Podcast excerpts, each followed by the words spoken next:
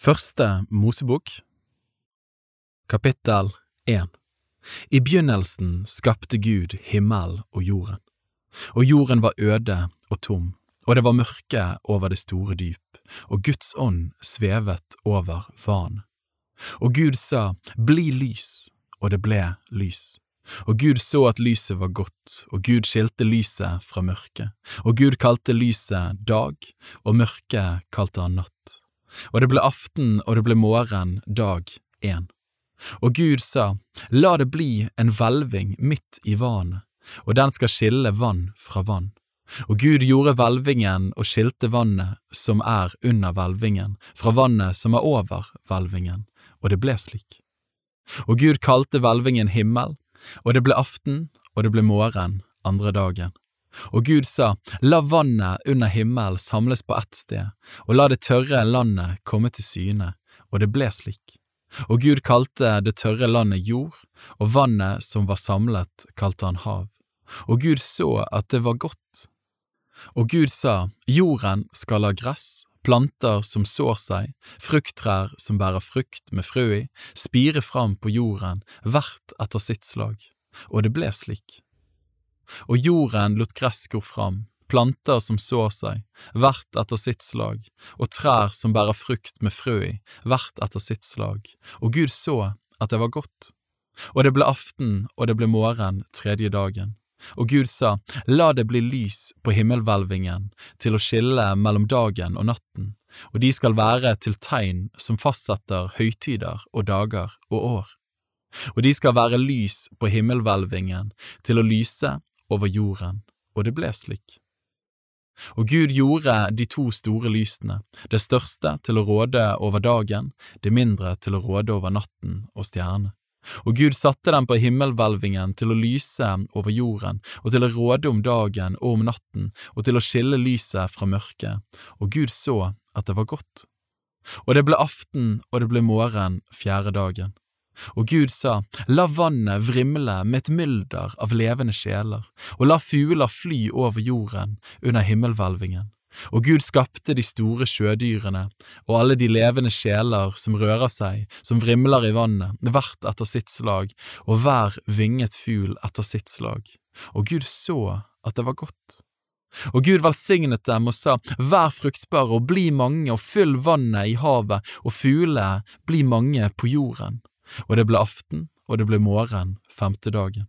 Og Gud sa, Jorden skal la levende sjeler gå fram, hver etter sitt slag, fe og kryp og jordens ville dyr, hvert etter sitt slag, og det ble slik.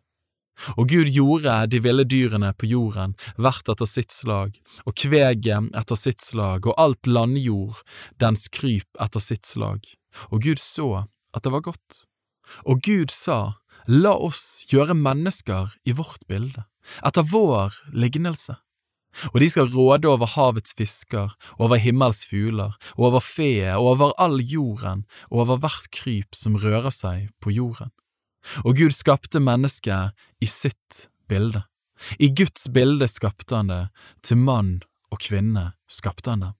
Og Gud velsignet dem, og Gud sa til dem, Vær fruktbare, og bli mange, og fyll jorden, og legg den under dere, og råd over havets fisker og himmels fugler, og over alt levende som rører seg på jorden. Og Gud sa, Se, jeg har gitt dere alle planter som sår seg over hele jorden, og hvert tre med frukt som setter frø. Det skal være føde for dere og til alle jordens dyr og til alle himmels fugler og til alt som kryper på jorden som det er levende sjel i, gir jeg alle grønne planter til føde. Og det ble slik. Og Gud så alt det han hadde gjort, og se, det var overmåte godt. Og det ble aften, og det ble morgen den sjette dagen. Kapittel 2 Så ble himmel og jorden fullført med hele sin hær og Gud fullførte på den tjuende dagen det verk han hadde begynt, og han hvilte på den tjuende dagen fra alt sitt verk som han hadde gjort. Og Gud velsignet den tjuende dagen og helliget den, for på den hvilte han fra alt sitt verk, det Gud hadde skapt og ville gjøre. Dette er historien om himmel og jorden da de ble skapt, på den dagen da Gud Herren gjorde jord og himmel. Fantes det ennå ingen av markens vekster på jorden, og ingen av markens planter var ennå grodd fram, for Gud Herren hadde ikke latt det regne på jorden, og det fantes ikke et menneske til å dyrke landjorden. Men en tåke steg opp av jorden, slik at hele landjordens overflate ble vannet. Og Gud Herren formet mennesket av landjordens støv, og blåste livets ånde i hans nese, og mennesket ble til en levende sjel. Så plantet Gud Herren en hage i Eden i Østen. Der satte han mennesket som han hadde formet. Og Gud Herren lot alle slags trær vokse opp av landjorden, prektige å se på og gode å ete av, også livets tre midt i hagen, og tre til kunnskap om godt og ondt. Og en elv rant ut fra Eden for å vanne hagen, og derfra delte den seg og ble til fire hovedstrømmer. Navnet på den ene er Pisjon, det er den som renner omkring hele landet Havila, der det er gull, og gullet i dette landet er godt. Der er bedelium og onyxstein, og navnet på den andre elven er Gihon, det er den som renner omkring hele landet Kush, og navnet på den tredje elven er Hidekel, det er den som renner øst for Asur, og den fjerde elven er Frat, og Gud Herren tok mennesket og satte ham i Edens hage til å dyrke og verne den. Og Gud Herren bød mennesket, av hvert tre i hagen kan du fritt ete, men treet til kunnskap om godt og ondt må du ikke ete for den dagen du eter av det, skal du visselig dø. Så sa Gud Herren, det er ikke godt for mennesket å være alene, jeg vil gjøre ham en medhjelp som er hans like. Og Gud Herren hadde formet av landjorden alle markens dyr og alle himmels fugler, og han førte dem til mennesket for å se hva han ville kalle dem. Det mennesket kalte hver levende sjel, det ble dens navn. Så ga mennesket navn til alt fe, til himmels fugler og til alle markens dyr, men for seg selv fant mennesket ingen medhjelp som var hans like. Da lot Gud Herren en dyp søvn komme over mennesket, og mens han sov, tok han et av hans ribben og fylte igjen med kjøtt. Og Gud Herren bygde av det ribben han hadde tatt av mannen, en kvinne, og førte henne til mannen. Da sa mannen, denne gang er det ben av mine ben, og kjøtt av mitt kjøtt. Hun skal kalles manninne, for av mannen er hun tatt. Derfor skal mannen forlate sin far og sin mor og forbli hos sin hustru, og de skal være ett skjød. De var nakne, både Adam og hans hustru, men skammet seg ikke. Kapittel 3 Men slangen var listigere enn alle dyr på marken som Herren Gud hadde gjort, og den sa til kvinnen, Har Gud virkelig sagt, dere skal ikke ete av noe tre i hagen? Kvinnen sa til slangen, Vi kan ete av frukten på trærne i hagen, men om frukten på det treet som er midt i hagen, har Gud sagt, Dere skal ikke ete av den og ikke røre den, for da dør dere. Da sa slangen til kvinnen, Dere kommer slett ikke til å dø, men Gud vet at den dagen dere eter av det, vil øynene deres åpnes, dere vil bli slik som Gud, til å kjenne godt og ondt. Kvinnen så nå treet var godt å ete av, og at det var en lyst for øyne, et prektig tre siden det kunne gi forstand. Så tok hun av frukten og åt, hun ga også sin mann som var med henne, og han åt. Da ble begges øyne åpnet, og de skjønte at de var nakne. Så flettet de sammen fikenblad og bandt dem om livet. Og de hørte Herren Gud da han kom vandrende i hagen da dagen var blitt sval og Adam og hans hustru skjulte seg for Herren Guds åsyn mellom trærne i hagen. Da kalte Herren Gud på Adam og sa til ham, Hvor er du? Han svarte, Jeg hørte din røst i hagen, og da ble jeg redd, fordi jeg var naken, og jeg gjemte meg. Da sa han, Hvem har fortalt deg at du er naken? Har du ett av treet jeg forbød deg å ete av? Adam sa, Kveen som du ga meg til å være hos meg, hun ga meg av treet, og jeg åt. Da sa Herren Gud til kvinnen, Hva er det du har gjort? Kvinnen svarte, Slangen dåret meg, og jeg åt. Da sa Herren Gud til slangen, Fordi du gjorde dette, skal du være forbannet fremfor alt fe og fremfor alle markens dyr. På buken skal du krype, og støv skal du ete alle ditt livs dager. Fiendskap setter jeg mellom deg og kveen, mellom din ett og hennes ett. Han skal knuse ditt hode, og du skal knuse hans hæl. Til kveen sa han, Jeg vil gjøre din møye meget stor i ditt svangerskap, med smerte skal du føde dine barn. Til din mann skal din atros stå, og han skal råde over deg. Og til Adam sa han, fordi du lød din hustrus røst og åt av treet som jeg forbød deg å ete av, skal jorden være forbannet for din skyld, med møye skal du nære deg av den alle dine levedager. Torner og tistler skal den bære for deg, og du skal ete av markens vekster. I ditt ansikts sved skal du ete ditt brød, inntil du vender tilbake til jorden, for av den er du tatt. Støv er du, og til støv skal du vende tilbake. Adam kalte sin hustru Eva fordi hun er mor til alle som lever, og Herren Gud gjorde kapper av skinn til Adam og hans hustru og kledde dem. Og Herren Gud sa, Se, mennesket er blitt som en av oss til å kjenne godt og ondt, bare han nå ikke strekker ut sin hånd og tar også av livets tre og eter og lever evig.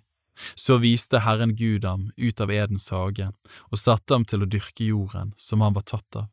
Han drev mennesket ut, og øst for Edens hage plasserte han kirubene og det flammende sverdet som svingte hit og dit for å vokte veien til livets tre. Kapittel 4 Adam holdt seg til sin hustru Eva, og hun ble med barn og fødte Kain. Da sa hun, Jeg har fått en mann ved Herren. Siden fødte hun Abel, hans bror. Abel ble sauegjeter, Kain ble jordbruker. Da en tid var gått, skjedde det at Kain bar fram for Herren et offer av markens grøde. Abel bar også fram et offer som han tok av de førstefødte lammene i flokken og deres fett, og Herren så til Abel og hans offer, men til Kain og hans offer så han ikke. Da ble Kain forbitret og stirret ned for seg. Og Herren sa til Kain, Hvorfor er du så forbitret, hvorfor stirrer du ned for deg? Er det ikke så at dersom du har gått i sinne, da kan du løfte ansiktet? Men har du ikke gått i sinne, da ligger synden på lur ved døren. Den har lyst på deg, men du skal herske over den. Kain talte til Abel sin bror, og da de en gang var ute på marken, for Kain løs på sin bror Abel og slo ham i hjel. Da sa Herren til Kain, Hvor er Abel, din bror? Han svarte, Jeg vet ikke, er jeg min brors vokter? Men han sa, Hva har du gjort? Røsten av din brors blod roper til meg fra jorden. Nå skal du være bannlyst fra den jorden som åpnet sin munn og tok imot din brors blod fra din hånd. Når du dyrker jorden, skal den ikke mer gi deg sin grøde. En flyktning og en vandrer skal du være på jorden. Da sa Kain til Herren, Min skyld er større enn at jeg kan bære den. Se, du har i dag drevet meg ut av landet, og jeg må skjule meg for ditt åsyn. Jeg blir en flyktning og en vandrer på jorden, og det vil gå slik at hvem som helst som finner meg, kommer til å slå meg i hjel. Men Herren sa til ham, Dersom noen slår Kain i hjel, skal det hevnes sjufold. Og Herren satte et merke på Kain, for at ingen som møtte ham, skulle slå ham i hjel. Så dro Kain bort fra Herrens åsyn, og bosatte seg i landet Nod, øst for Eden. Og Kain holdt seg til sin hustru, og hun ble med barn og fødte Hanuk. Så tok han seg fore å bygge en by, og ga byen navnet Hanuk etter sin sønn. Hanok fikk sønnen Irad, Irad ble far til Mehujael. Mehujael ble far til Metushael. Metushael ble far til Lamek. Lamek tok seg to koner, den ene het Ada, den andre het Silla. Ada fødte Jabal, han ble stamfar til dem som bor i telt og holder buskap. Hans bror het Jubal, han ble stamfar til alle dem som spiller på harpe og fløyte. Silla fødte Tubalkain, han smidde alle slags redskaper av kobber og jern. Tubalkains søster var Naama. Lamek sa til konene sine, Ada og Silla, hør min røst. Lameks hustruer, lytt til min tale. En mann dreper jeg for hvert sår jeg får, en gutt for hver skramme jeg får. For hevnes Kain sju ganger, da skal Lamek hevnes 77 ganger. Adam holdt seg igjen til sin hustru, og hun fødte en sønn og kalte ham Sett. Hun sa, For Gud har satt meg en annen sønn i Abels sted, fordi Kain slo ham i hjel. Seth fikk en sønn og kalte ham Enosh. På den tiden begynte de å påkalle Herrens navn. Kapittel 5 Dette er boken om Adams slektshistorie. På den dagen Gud skapte mennesket, skapte han det i Guds liknelse.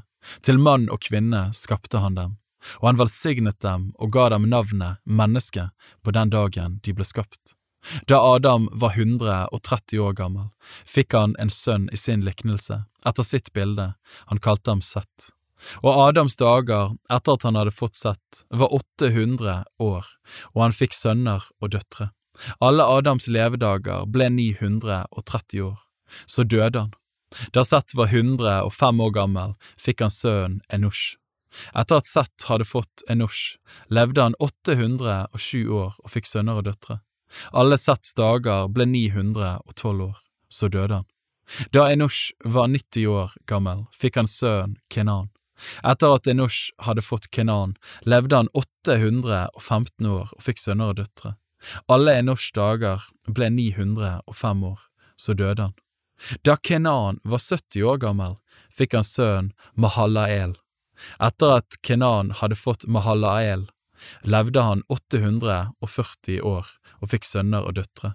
Alle Kenans dager ble 910 år, så døde han. Da Mahalael var 65 år gammel, fikk han sønnen Jared.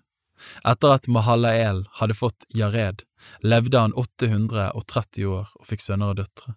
Alle Malahels dager ble 895 år, så døde han. Da Jared var 162 år gammel, fikk han sønnen Enok.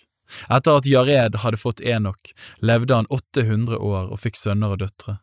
Alle Jareds dager ble 962 år, så døde han. Da Enok var 65 år gammel, fikk han sønnen Metushala, og Enok vandret med Gud i 300 år etter at han hadde fått Metushala, og han fikk sønner og døtre. Alle Enoks dager ble 365 år, og Enok vandret med Gud, så ble han borte, for Gud tok ham til seg. Da Metushala var 187 år gammel, fikk han sønnen Lamek. Etter at Metushala hadde fått Lamek, levde han 782 år og fikk sønner og døtre. Alle Metushalas dager ble 969 år, så døde han. Da Lamek var 182 år gammel, fikk han en sønn. Han kalte ham Noah og sa, Han skal trøste oss under vårt arbeid og våre henders møye på den jorden som Herren har forbannet. Etter at Lamek hadde fått Noah, levde han 595 år og fikk sønner og døtre. Alle Lameks dager ble 777 år, så døde han. Og da Noah var 500 år gammel, fikk han sønnene Sem, Kam og Jafet.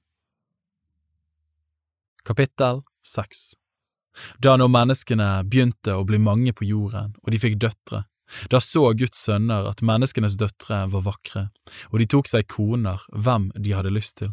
Da sa Herren, Min ånd skal ikke til evig tid gå i rette med menneskene. I sin villfarelse er de skjød, og deres dager skal være hundre og tjue år. Kjempene var på jorden i de dager, og likeså siden da Guds sønner gikk inn til menneskenes døtre som fødte dem barn. Dette er de mektige menn i gammel tid, de navngjetne. Herren så at menneskenes ondskap var stor på jorden, og at alle tanker og hensikter i hjertene deres var onde hele dagen lang. Da angret Herren at han hadde skapt mennesket på jorden, og han var full av sorg i sitt hjerte. Og Herren sa, Jeg vil utrydde fra jorden menneskene som jeg har skapt, både mennesker og fe og krypdyr og himmelsk fugler, for jeg angrer at jeg har skapt dem. Men Noah fant nåde for Herrens øyne. Dette er Noahs slektshistorie. Noah var en rettferdig mann, ulastelig blant sine samtidige. Noah vandret med Gud. Og Noah fikk tre sønner, Sem, Kam og Jafet, men jorden var fordervet i Guds øyne, den ble full av vold. Og Gud så jorden og se, den var fordervet, alt skjød hadde fordervet sin ferd på jorden. Da sa Gud til Noah, Nå vil jeg gjøre ende på alt skjød, for de har fylt jorden med vold. Se, jeg vil ødelegge både dem og jorden. Bygg deg en ark av gofertre. Du skal innrede den med rom og styrke den innvendig og utvendig med bek. Slik skal du bygge den. Arken skal være 300 al lang, 50 al bred og 30 al høy. Øverst på arken skal du gjøre en lysåpning som når en al ned på veggen. Sett døren til arken på den ene siden. Du skal bygge den med tre dekk, ett nederst, et annet og et tredje, innredet med rom i hver etasje. Og se, jeg lar en vannflom komme over jorden for å ødelegge alt skjød under himmelen som det er livsånde i. Alt som er på jorden skal omkomme, men jeg vil opprette min pakt med deg, og du skal gå inn i arken, du og dine sønner og din hustru og dine svigerdøtre med deg. Og av alt som lever, av alt skjød, skal du ta ett par av hvert slag med inn i arken for å holde dem i live med deg. De skal være han og hund, av alle slags fugler og av alle slags fe og av alle slags krypdyr på jorden skal par for par komme inn til deg for å holdes i live. Og du skal ta med deg noe av all slags mat og samle det hos deg, så det kan være til føde for deg og for dem. Og Noah gjorde slik. Han gjorde i ett og alt som Gud hadde befalt ham. Kapittel 7 Så sa Herren til Noah, Gå inn i arken, du og hele din husstand, for bare deg har jeg funnet rettferdig for meg i denne slekt. Av alle rene dyr skal du ta deg ut sju par, han og hun, og av dyr som ikke er rene, ett par, han og hun, likeså av himmels fugler sju par, han og hun, for å holde deres slekter i live på hele jorden. For sju dager heretter vil jeg la det regne på jorden i 40 dager og 40 netter, og jeg vil utslette fra jordens overflate hvert levende vesen som jeg har skapt. Og Noah gjorde i ett og alt som Herren hadde befalt ham. Noah var 600 år gammel da vannflommen kom over jorden.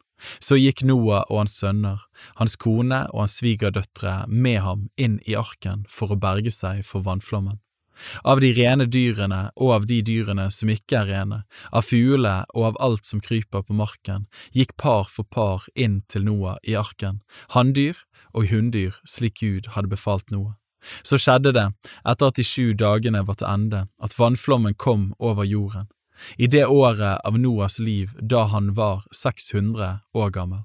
I den andre måneden, på den syttende dagen i måneden, den dagen brast alle kilder i det store dyp og himmels sluser ble åpnet.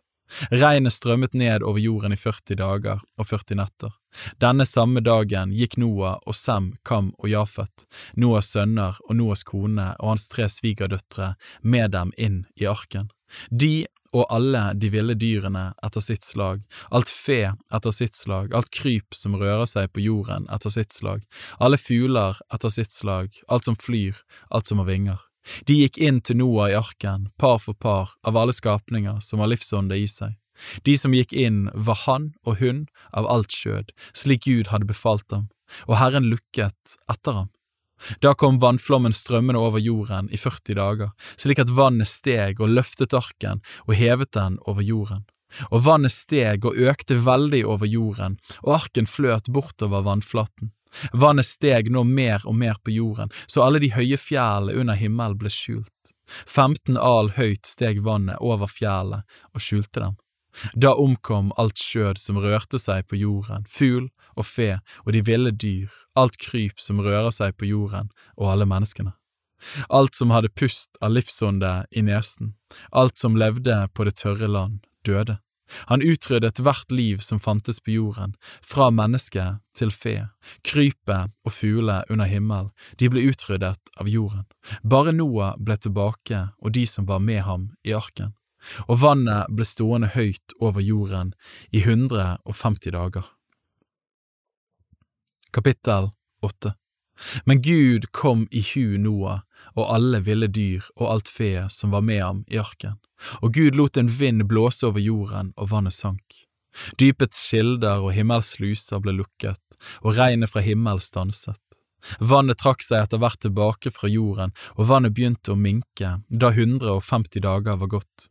I den tjuende måneden, på den syttende dagen i måneden, ble arken stående på Araratfjellet og vannet fortsatte å synke inntil den tiende måneden. I den tiende måneden, på den første dagen i måneden, kom fjelltoppene til syne. Da 40 dager var gått, åpnet Noah luken han hadde gjort på arken, og slapp ut en ravn. Den fløy fram og tilbake inntil vannet var tørket bort fra jorden. Så sendte han ut en due for å se om vannet hadde sunket fra jordens overflate. Men duen fant ikke noe sted å hvile sin fot da den kom tilbake til ham i arken, for det sto vann over hele jordens overflate. Da rakte han ut hånden og tok den inn til seg i arken. Han ventet ennå sju dager og sendte så igjen duen ut av arken. Duen kom til ham da det led mot kveld, og se, den hadde et friskt olivenblad i nebbet. Der skjønte Noah at vannet var sunket bort fra jorden. Men han ventet ennå sju dager, så slapp han duen ut, og da kom den ikke tilbake til ham mer. Og det skjedde i det 600 og første året, i den første måneden, på den første dagen i måneden, var vannet tørket bort fra jorden. Da tok Noah taket av arken og så ut, og se, jorden var tørr. I den andre måneden, på den 27. dagen i måneden, var jorden helt tørr. Da talte Gud til Noah og sa, Gå ut av arken, du og din hustru og dine sønner og dine svigerdøtre med deg. Alt levende som er hos deg, av alt skjød, fugl og fe, og alt kryp som rører seg på jorden, før det ut med deg. Det skal vrimle av dem på jorden, de skal være fruktbare og formere seg på jorden. Så gikk Noah ut, og hans sønner, hans kone og hans svigerdøtre med ham. Alle dyrene, alt krypet, alle fuglene, alt som rører seg på jorden, alt etter sitt slag, gikk ut av arken. Og Noah bygde et alter for Herren. Han tok av alle rene dyr og av alle rene fugler og ofret brennoffer på alteret. Og Herren kjente den behagelige duften, og Herren sa i sitt hjerte, Jeg vil aldri mer forbanne jorden for menneskets skyld, for menneskehjertets tanker er onde fra ungdommen av. Jeg vil aldri mer drepe alt levende, slik jeg nå har gjort. Så lenge jorden står heretter, skal såtid og høst, kulde og hete, sommer og vinter, dag og natt, aldri ta slutt. Kapittel 9 Og Gud velsignet Noah og sønnene hans og sa til dem, Vær fruktbare, bli mange og fyll jorden. Frykt og redsel for dere skal være over alle jordens dyr og alle himmels fugler, over alt som kryper på marken og over alle fiskene i havet. De er gitt i deres hånd. Alt som rører seg og lever skal være til føde for dere. Like som jeg ga dere de grønne plantene, gir jeg dere alt dette. Bare kjøtt med dets sjel i, det vil si blodet, skal dere ikke ete. Og sannelig, jeg vil kreve gjengjeld for deres eget blod. Jeg vil kreve hvert dyr til regnskap om det tar deres blod, og likeså hvert menneske. Jeg vil kreve hver manns bror til regnskap for menneskets liv. Den som utøser menneskets blod, hans blod skal bli utøst av mennesker. For i Guds bilde skapte han mennesket. Dere skal være fruktbare og bli mange, myldre på jorden og bli tallrike på den. Gud talte til Noah og til hans sønner som var med ham, og sa, Se, jeg oppretter selv min pakt med dere og med slekten etter dere, og med hver levende skapning som er hos dere, fugle og fe og alle ville dyr hos dere, alt som gikk ut av arken, alle dyr på jorden. Jeg oppretter min pakt med dere. Aldri mer skal alt skjød bli utryddet ved vannflom. Aldri mer skal det komme en vannflom og ødelegge jorden. Og Gud sa, Dette er tegnet på pakten jeg oppretter mellom meg og dere og hver levende skapning som er hos dere, for alle kommende slekter og tider. Min bue har jeg satt i skyen, den skal være tegn på en pakt mellom meg og jorden. Og det skal skje når jeg fører skyer over jorden og buen kommer til syne i skyen, da vil jeg komme i hu min pakt mellom meg og dere og hver levende skapning av alt skjød, og vannet skal aldri mer bli en flom som ødelegger alt skjød. Når buen står i skyen, vil jeg se den og minnes den evige pakten mellom Gud og hver levende skapning, alt skjød som er på jorden. Gud sa til Noah, dette er tegnet på pakten jeg har opprettet mellom meg og alt skjød som er på jorden. Noahs sønner som gikk ut til arken, var Sem, Kam og Jafet. Kam var far til Kanan. Disse tre var Noahs sønner. Fra dem bredte menneskene seg ut over hele jorden. Noah var jordbruker, og han var den første som plantet en vingård. Han drakk av vin og ble beruset, og han kledde seg naken inne i teltet sitt. Da Kam, Kanaans far, så sin fars nakenhet, fortalte han det utenfor til begge brødrene sine. Da tok Sem og Jafet et klede og la det på skuldrene sine og gikk baklengs inn og dekket sin fars nakenhet. De vendte ansiktet bort og så ikke sin fars nakenhet. Da Noah våknet av rusen, fikk han vite hva hans yngste sønn hadde gjort mot ham. Han sa, Forbannet være Kanaan, trellers trell skal han være for sine brødre. Han sa også, Lovet være Herren, Sems Gud, Kanaan skal være hans trell. Gud skal gjøre det hvitt for Jafet, han skal bo i Sems telter, og Kanaan skal være hans trell. Noah levde 350 år etter vannflommen. Alle Noahs dager ble 950 år, så døde han. Kapittel 10 Dette er slektshistorien til Noahs sønner Sem, Kam og Jafet. De fikk sønner etter vannflommen. Jafets sønner var Gomer, Magog, Madai, Javan, Tubal, Meshek og Tiras. Gomers sønner var Ashenas, Rifat og Togarma. Javans sønner var Elisha, Tarsis, Kitim og Dodanim. Fra disse ble hedningenes kystland befolket i sine land, hvert med sitt tungemål etter sine slekter i sine folkeslag. Kams sønner var Kush, Misraim, Put og Kanan. Kush sønner var Seba, Havila, Sapta, Raema og Sapteka. Raemas sønner var Sheba og Dedan. Kush fikk sønnen Nimrod, som var den første store hersker på jorden. Han var en mektig jeger for Herren. Derfor heter det En mektig jeger for Herren som Nimrod. Begynnelsen til hans rike var Babel, Erek, Akad og Kalne i landet Sinear. Fra dette landet dro han ut til Asur og bygde Ninneve, Rehobot-Ir og Kala, og Resen mellom Ninneve og Kala. Dette er den store byen. Miss Rajim ble stamfar til luderne, anameerne, lehaberene og naftuerene, patruserne og kasluerene, som filistrene er kommet fra, og kaftorerne. Kanaan ble far til Sidon, som var hans førstefødte, og til Het, og til jebusittene, amorittene og girgasittene, hevittene, arkittene og sinittene og arvadittene, semarittene og hamatittene. Siden bredte kananeernes etter seg videre ut. Kananeernes grense gikk fra Sidon bortimot Gerar like til Gaza, og bortimot Sodoma, Gomorra, Adma og Sebojim like til Lesja. Dette var Kams etterkommere, etter sine etter- og tungemål i sine land og folkeslag. Også Sem fikk barn. Han var stamfar til alle Ebers barn og var den eldste broren av Jafet. Sems sønner var Elam, Asur, Arpakshad, Lud og Aram. Arams sønner var Us, Hul, Geter og Mash. Arpakshad fikk sønnen Shela, og Shela fikk sønnen Eber. Eber fikk to sønner. Den ene het Peleg, for i hans dager ble jorden delt. Hans bror het Juktan. Juktan ble far til Almodad, Shelef, Hasarmavet og Yara, Hadoram, Usal og Dikla, Obal, Abimael og Sheba, Ofir, Havila og Jobab. Alle disse var Juktans sønner. De hadde bostedene sine i fjellbygdene i øst fra Mesja bortimot Sefar. Dette var Sems sønner etter sine slekter og tungemål, i sine land, etter sine folkeslag. Dette var Noas sønners slekter, etter sin avstamning i sine folkeslag. Fra dem har folkene utbredt seg på jorden etter vannflommen. Kapittel 11 Hele jorden hadde ett språk og samme ord. Det skjedde da de dro fram mot øst, at de fant en slette i landet Sinear, og de bosatte seg der.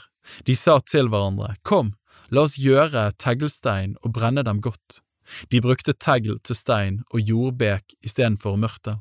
Så sa de, Kom, la oss bygge oss en by og et tårn som når opp til himmelen. La oss gjøre oss et navn, ellers blir vi spredt over hele jorden.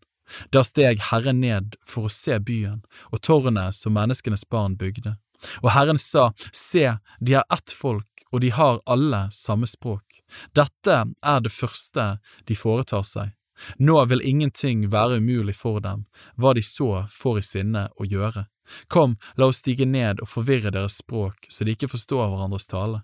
Så spredte Herren dem derfra ut over hele jorden, og de holdt opp med å bygge på byen. Derfor ble byen kalt Babel, for der forvirret Herren all jordens tungemål, og derfra spredte Herren dem ut over hele jorden. Dette er Sems slektshistorie. Sem var 100 år gammel da han fikk sønnen Arpakshad, to år etter vannflommen. Etter at Sem hadde fått Arpakshad, levde han 500 år og fikk sønner og døtre. Da Arpakshad var 35 år gammel, fikk han sønnen Shela. Etter at Arpakshad hadde fått sjela, levde han 403 år og fikk sønner og døtre.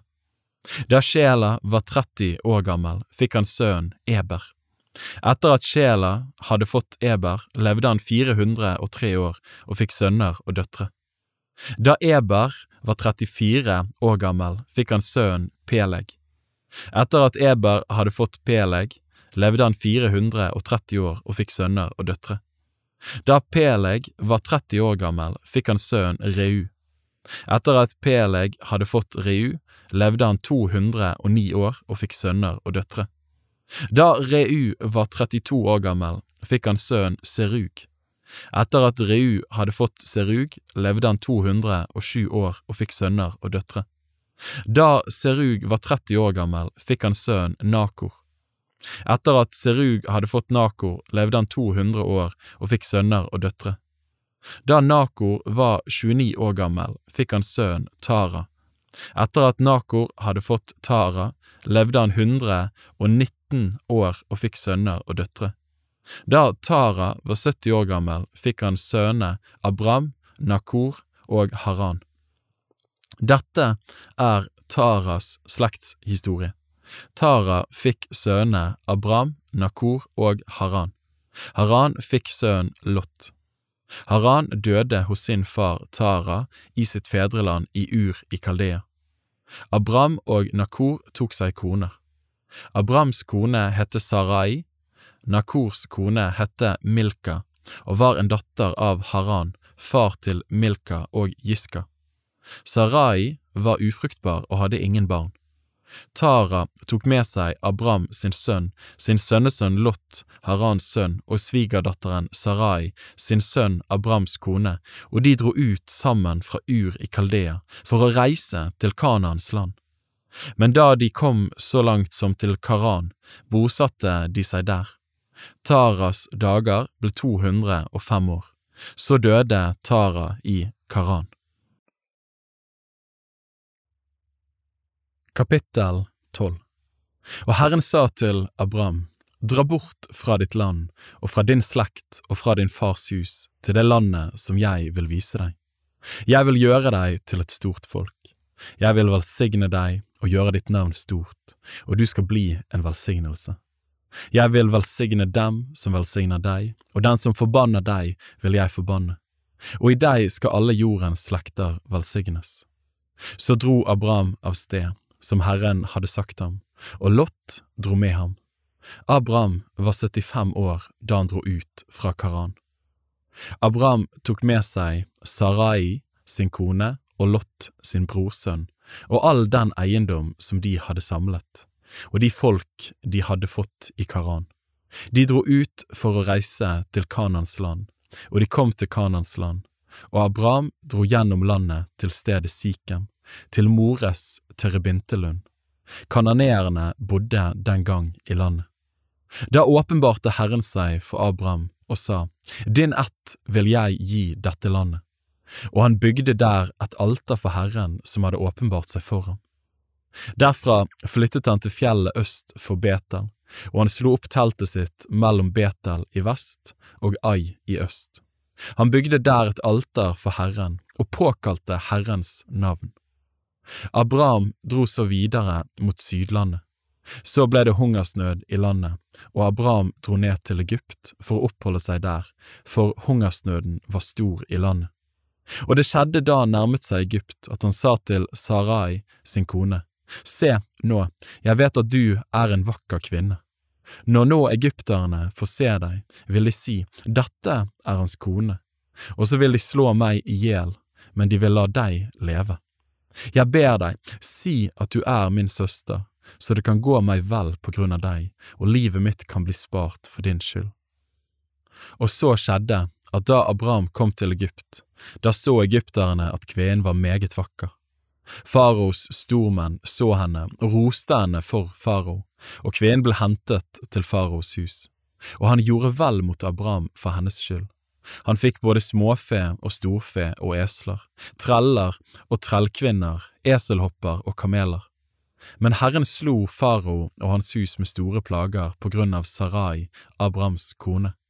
Da kalte farao Abraham til seg og sa, Hva er det du har gjort mot meg? Hvorfor fortalte du meg ikke at hun er din kone? Hvorfor sa du hun er min søster, så jeg tok henne til kone?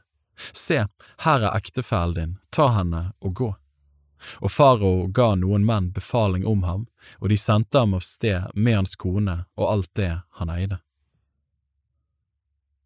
Kapittel 13 Og Abraham dro ut fra Egypt opp til Sydlandet, han og hans kone med alt det han eide, og Lot var med ham.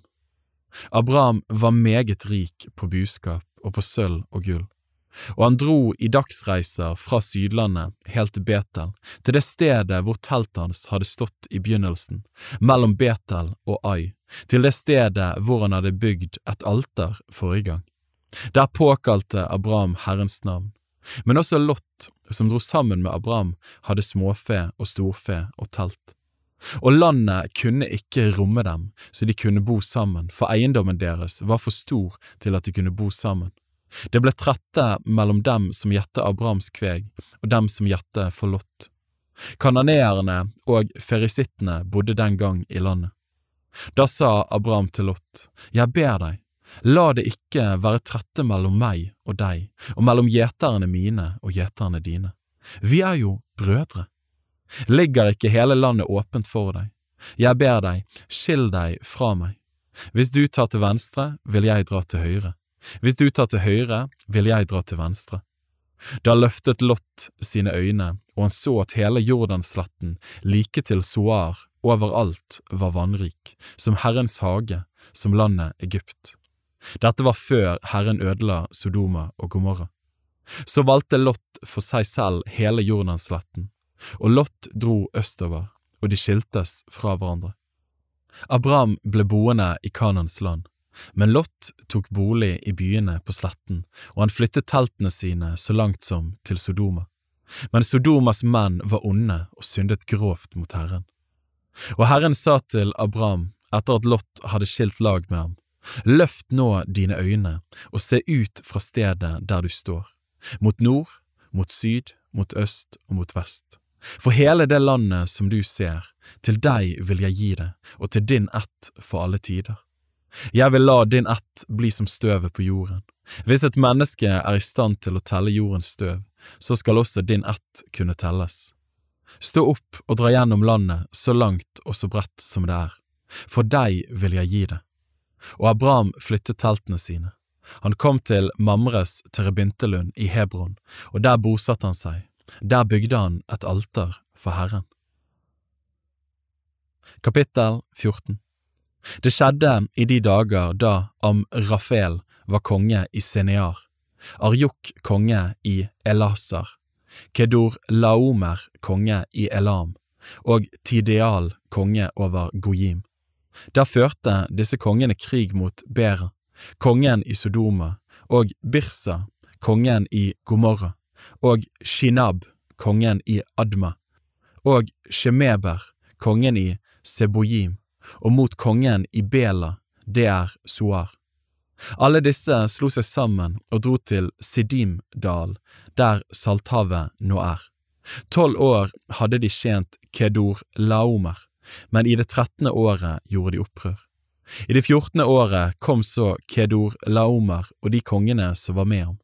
De slo refaittene i Asterot Karnajim, susittene i Ham, emittene i Shave Kiryatayim og horittene på Seir-fjellet, like til El Paran ved utkanten av ørkenen. Deretter vendte de tilbake og kom til en mishpat, det er Kadesh, og la under seg hele amalekittenes land, likeså amorittene som bodde i Hasseson Tamar. Da dro kongen av Sudoma ut, og kongen av Gomorra, kongen av Adma, kongen av Sebojim og kongen av Bela, det er Soar. De stilte seg i fylking mot dem i Sidim-dalen, mot Kedor Laomer, kongen i Elam, og Tidial, kongen over Gojim, og Amrafel, kongen i Seniar, og Arjuk, kongen i Elasar, fire konger mot de fem. Nå var Sidimdal full av jordbekgruver. Kongene av Sodoma og Gomorra flyktet, og de falt i dem. De som ble igjen, flyktet opp i fjellet. Så tok de alt gods i Sodoma og Gomorra og hele matforrådet deres og dro bort. De tok også med seg Lot, Abrahams brorsønn, og hans gods og dro bort. Han bodde nemlig i Sodoma. Det kom så noen flyktninger og fortalte det til hebreeren Abraham. Han bodde ved den terebintelnudden som tilhørte amoritten Mamre. Mamre var bror til Eshkol og Aner, og de var Abrahams forbundsfeller. Da nå Abraham fikk høre at hans slektning var bortført som fange, mønstret han sine våpentrente menn som var født i hans hus, 318 i tallet, og satte etter dem like til dagen. Han og hans folk delte seg og overfalt dem om natten, og han slo dem og forfulgte dem helt til Hoba, som ligger nord for Damaskus. Så brakte han alt godset med tilbake. Også sin slektning Lot og hans eiendom førte han tilbake, likeså kvenene og folket. Da han vendte tilbake etter å ha slått Kedor Laomer og de kongene som var med ham, gikk kongen i Sodoma ut for å møte ham i Sjavedal, det er Kongedal. Og Melkisedek, kongen i Salem, kom ut med brød og vin. Han var prest for den høyeste Gud. Han velsignet ham og sa, Velsignet være Abram av den høyeste Gud, han som eier himmel og jord. Og lovet være den høyeste Gud, som har gitt dine fiender i din hånd. Og Abram ga ham tiende av alt. Og kongen av Sudoma sa til Abram, Gi meg folket, og ta du godset. Men Abram sa til kongen av Sudoma, Jeg løfter min hånd til Herren, den høyeste Gud, Han som eier himmel og jord. Ikke så mye som en tråd eller en skorem vil jeg ta av alt som er ditt, for at du ikke skal si, jeg har gjort Abraham rik.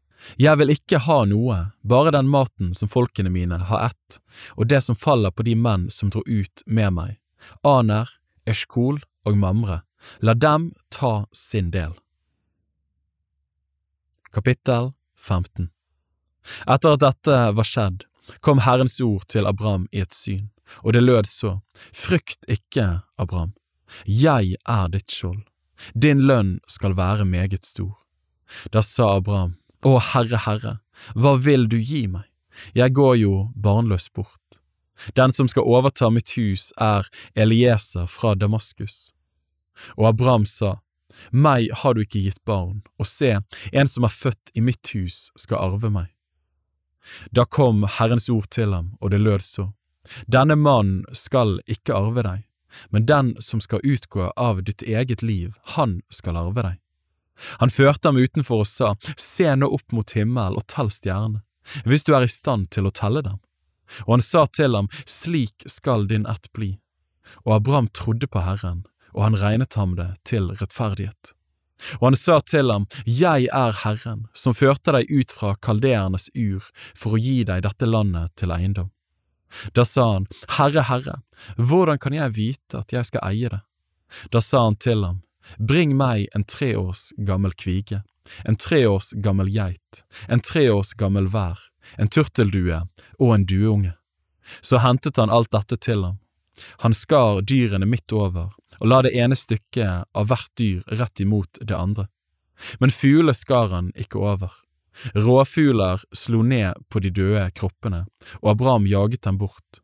Og det skjedde da sol var ved å gå ned, at en dyp søvn falt over Abraham se redsel og et stort mørke kom over ham.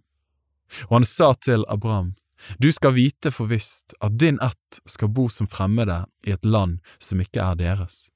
De skal trelle for folket der, og de vil bli undertrykt og plaget i 400 år. Men jeg vil også dømme det folket som de skal trelle for, og deretter skal de dra ut med mye gods. Men du skal fare til dine fedre i fred, du skal bli begravet i en god alderdom.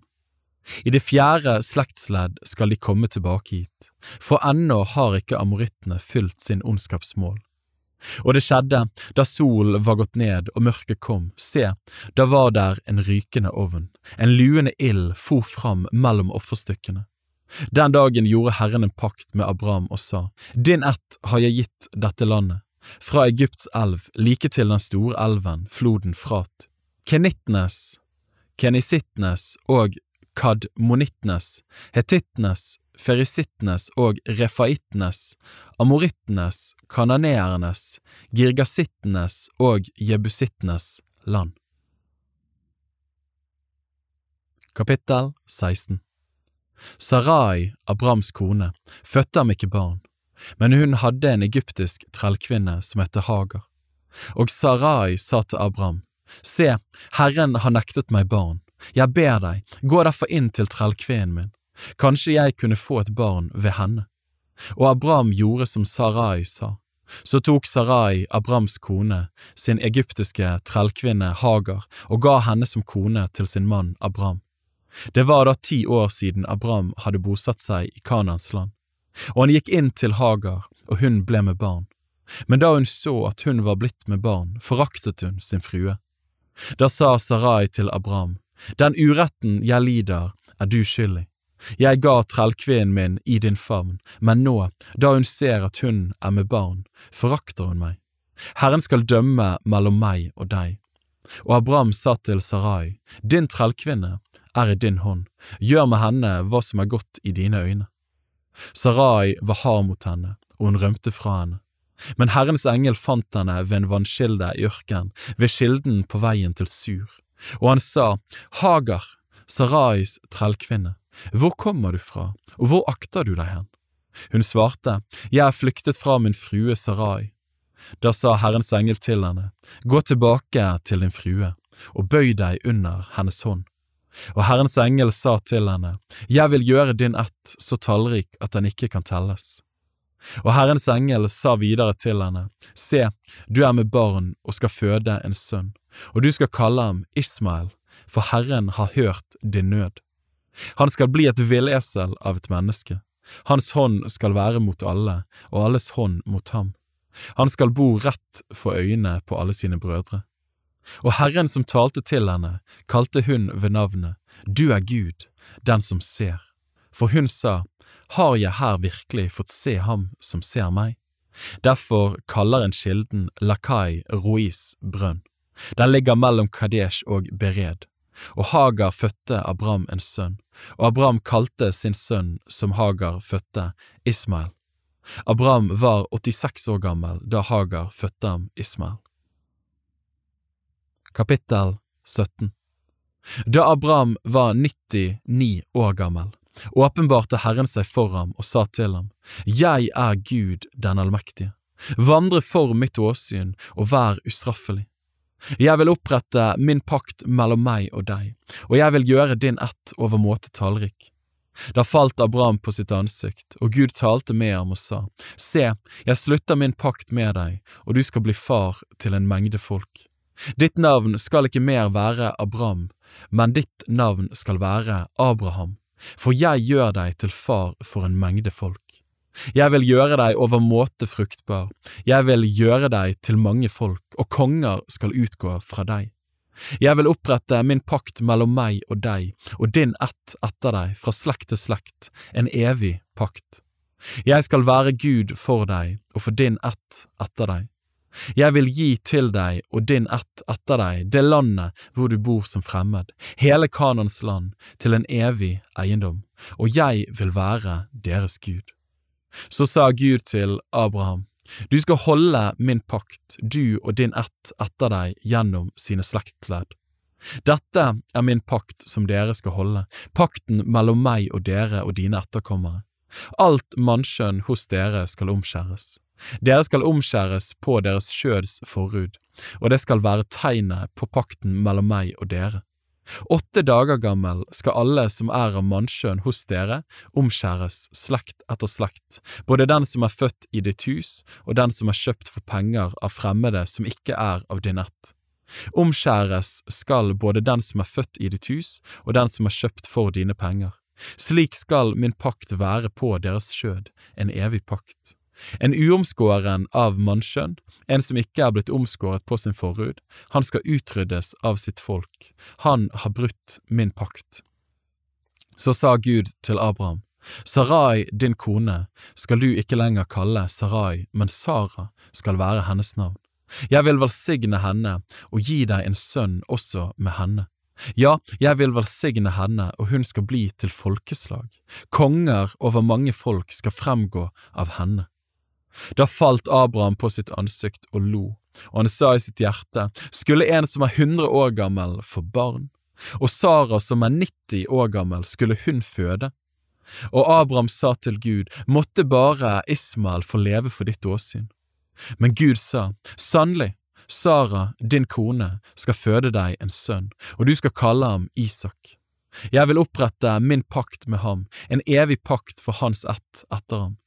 Og Ismael, også om ham har jeg hørt deg. Se, jeg vil velsigne ham, jeg vil gjøre ham fruktbar og gi ham en overmåte tallrik ett. Han skal bli far til tolv høvdinger, og jeg vil gjøre ham til et stort folk. Men min pakt vil jeg opprette med Isak, som Sara skal føde deg på denne tiden neste år. Så sluttet han å tale med ham, og Gud for opp fra Abraham. Samme dag tok Abraham Ismael sin sønn, og alle som var født i hans hus, og alle som var kjøpt for hans penger, alt mannskjønn blant folkene i Abrahams hus, og han omskar deres forhud slik Gud hadde sagt til ham. Abraham var 99 år gammel da hans forhud ble omskåret. Ismael, sønnen hans, var 13 år da hans forhud ble omskåret. På en og samme dag ble de omskåret, Abraham og hans sønn Ismael og alle menn i hans hus. De som var født i hans hus, og de som var kjøpt for penger av fremmede, ble omskåret med ham. Kapittel 18 Så åpenbarte Herren seg for ham i Mamres terabintelund, en gang han satt i teltdøren midt på heteste dagen. Han løftet sine øyne, og se, tre menn sto foran ham. Da han så dem, løp han dem i møte fra teltdøren, bøyde seg til jorden og sa, Herre, Dersom jeg har funnet nåde for dine øyne, så ber jeg deg, gå ikke din tjener forbi. La oss få hente litt vann så dere kan få vasket føttene, og hvile dere her under treet. La meg hente et stykke brød så dere kan styrke dere før dere drar videre, siden dere nå har lagt veien om deres tjener. Og de sa, Gjør som du har sagt. Da skyndte Abraham seg inn i teltet til Sara og sa, Skynd deg, ta tre mål fint mel, kna det og bak kaker. Abraham løp også bort til buskapen og hentet en fin og god kalv og ga den til tjenestegutten, som skyndte seg å lage den til. Så tok han rømme og melk og kalven som han hadde gjort i stand, og satte det fram for dem. Og han sto hos dem under treet mens de spiste. Og de sa til ham, Hvor er Sara, din kone? Han sa, Der inne i teltet. Og han, Herren, sa, Jeg vil komme tilbake til deg på denne tiden neste år, og se, da skal Sara, din kone, ha en sønn. Sara hørte dette i teltdøren som var bak ham. Nå var Abraham og Sara gamle, langt oppe i årene, og Sara hadde det ikke lenger på kvinners vis. Derfor lo Sara ved seg selv og sa, skulle jeg, når jeg er blitt gammel, føle lyst, og Herren min er også gammel? Da sa Herren til Abraham, hvorfor ler Sara og sier, skal jeg virkelig føde barn når jeg er blitt så gammel? Skulle noen ting være umulig for Herren? På den bestemte tiden vil jeg komme til deg igjen, på denne tiden neste år, og da skal Sara ha en sønn. Sara nektet og sa, jeg lo ikke, for hun var redd. Da sa han, jo, du lo. Så brøt mennene opp derfra og tok veien mot Sodoma. Abraham gikk med dem for å følge dem på vei. Da sa Herren, skulle jeg vel skjule for Abraham det jeg er i ferd med å gjøre? Abraham skal jo bli et stort og mektig folk, og i ham skal alle jordens folk velsignes. Jeg har utvalgt ham for at han skal befale sine barn og sitt hus etter seg at de skal følge Herrens vei og gjøre rettferd og rett, slik at Herren kan la Abraham få det som han har lovt ham. Og Herren sa, Klageropet over Sodoma og Gomorra er sannelig stort, og deres synd er sannelig umåtelig svær. Nå vil jeg stige ned og se om de på alle vis har handlet slik som det høres i det ropet som er kommet opp til meg, og hvis ikke, vil jeg vite det. Så vendte mennene seg bort og gikk til Sodoma, men Abraham ble fortsatt stående for Herrens åsyn. Abraham trådte nærmere og sa, Vil du da rive bort den rettferdige sammen med den ugudelige? Kanskje er det 50 rettferdige i byen, vil du da rive dem bort? Vil du ikke bære over med stedet for de 50 rettferdiges skyld som kunne være der? Det være langt fra deg å handle på dette vis og slå i hjel den rettferdige sammen med den ugudelige, så det går den rettferdige på samme måte som den ugudelige. Slikt være langt fra deg, skulle ikke all jordens dommer gjøre rett? Da sa Herren, Dersom jeg finner 50 rettferdige i byen Sodoma, vil jeg spare hele stedet for deres skyld. Abraham svarte da og sa, Se, jeg har dristet meg til å tale til Herren, ennå jeg er støv og aske. Kanskje kunne det mangle fem på de 50 rettferdige, ville du da ødelegge hele byen på grunn av disse fem? Han sa, Jeg skal ikke ødelegge den dersom jeg finner 45 der. Men han fortsatte å tale til ham og sa, Kanskje det finnes 40 der? Han svarte, Jeg skal ikke gjøre det for de 40s skyld. Han sa da, Å Herren må ikke bli vred om jeg taler, kanskje det finnes 30 der. Han svarte, Jeg skal ikke gjøre det hvis jeg finner 30. Da sa han, Se, jeg har dristet meg til å tale til Herren, kanskje der finnes 20. Han svarte, For de 20s skyld skal jeg ikke ødelegge det. Da sa han, Herre, bli ikke vred om jeg taler bare denne ene gangen til, kanskje det finnes ti. Han svarte, for de tis skyld vil jeg ikke ødelegge den. Så gikk Herren bort da han hadde talt ut med Abraham, og Abraham vendte hjem igjen.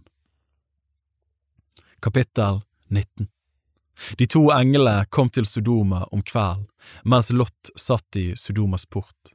Da Lot så dem, reiste han seg og gikk dem i møte, bøyde seg med ansiktet mot jorden og sa, Gode herrer, jeg ber dere, legg veien om deres tjeners hus, bli der i natt og vask føttene, så kan dere stå tidlig opp i morgen og dra videre. Men de sa, Nei, vi vil bli på gaten i natt. Men han nødde dem sterkt, og de tok inn hos ham. Da de kom inn i huset, gjorde han i stand et måltid for dem. Han bakte usyret brød, og de spiste. Før de ennå hadde lagt seg, kom byens folk, mennene i Sodoma, unge og gamle, hele folket fra alle kanter og omringet huset. De ropte på Lot og sa til ham, Hvor er de mennene som kom inn til deg i natt? Før dem ut til oss så vi kan ha omgang med dem. Lot gikk da ut til dem i inngangen og stengte døren etter seg og sa, Jeg ber dere, mine brødre, gjør da ikke det som ondt er. Se, jeg har to døtre som ingen mann har vært nær, la meg få sende dem ut til dere, så dere kan gjøre med dem hva dere finner for godt. Gjør bare ikke disse mennene noe, siden de har funnet ly under mitt tak. Men de sa, Gå vekk, og så sa de, Denne ene mannen er kommet for å bo som fremmeder, og så opptrer han bestandig som dommer. Nå vil vi fare verre med deg enn med dem. Så trengte de voldsomt inn på mannen, på Lott, og stormet fram for å sprenge døren. Da strakte mennene hånd ut, de tok Lott inn til seg i huset og stengte døren, og folket som var utenfor døren til huset, slo de med blindhet, både små og store, så de forgjeves strevde for å finne inngangen. Da sa mennene til Lott, har du ennå noen her, svigersønner, sønner eller døtre eller hvem du ellers har i byen, så før dem bort herfra. For nå skal vi ødelegge dette stedet, fordi klageropet mot dem er stort for Herrens åsyn, og Herren har sendt oss for å ødelegge det. Da gikk Lot ut og talte til svigersønnene sine, de som skulle ha døtrene hans. Han sa, Stå opp og dra bort fra dette stedet, for Herren vil nå ødelegge byen. Men svigersønnene tenkte at han drev gjøn. Da nå morgenen grudde, skyndte englene på Lot og sa, Stå opp, ta din kone og dine to døtre som er her, så du ikke blir revet bort på grunn av ondskapen her i byen. Men da han nølte, tok mennene både ham og hans kone og hans to døtre ved hånden, for Herren hadde barmhjertighet med ham, og de førte ham ut og ledet ham til han var utenfor byen. Da de nå hadde ført ham utenfor byen, sa den ene, Fly for ditt liv, se deg ikke tilbake, og stans ikke noe sted på hele sletten, fly opp i fjellet for at du ikke skal bli revet bort. Men Lot sa til dem, Å nei, Herre, Se, nå har din tjener funnet nåde for dine øyne, stor er den miskunnhet du har vist meg ved å berge livet mitt, men jeg er ikke i stand til å flykte opp i fjellet uten at ulykken kan nå meg så jeg dør. Se, byen der borte er nær nok å flykte til, og den er liten. Jeg ber deg, la meg få flykte dit, er den ikke liten, så jeg kan berge livet. Da sa han til ham, Se, også i dette har jeg hørt deg, jeg skal ikke ødelegge den byen du har talt om. Skynd deg, flykt dit, for jeg kan ikke gjøre noe før du er kommet dit. Derfor har byen fått navnet Soar. Solen var gått opp over jorden da Lot kom til Soar. Da lot Herren det regne ned over Sodoma og Gomorra, svovel og ild fra Herren ut av himmelen. Han ødela disse byene og hele sletten, alle dem som bodde i byene og alt som grodde på marken. Men Lots kone, som fulgte etter ham, så seg tilbake. Da ble hun til en saltstøtte. Tidlig om morgenen gikk Abraham til det stedet hvor han hadde stått for Herrens åsyn, og han så utover Sodoma og Gomorra og hele slettelandet, og se, røken steg opp fra landet som røken fra en smelteovn.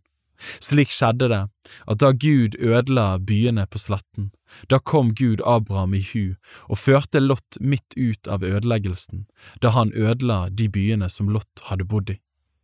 Lot dro så ut fra Soar, opp i fjellet og ble boende der og hans to døtre med ham, for han var redd for å bli i Soar.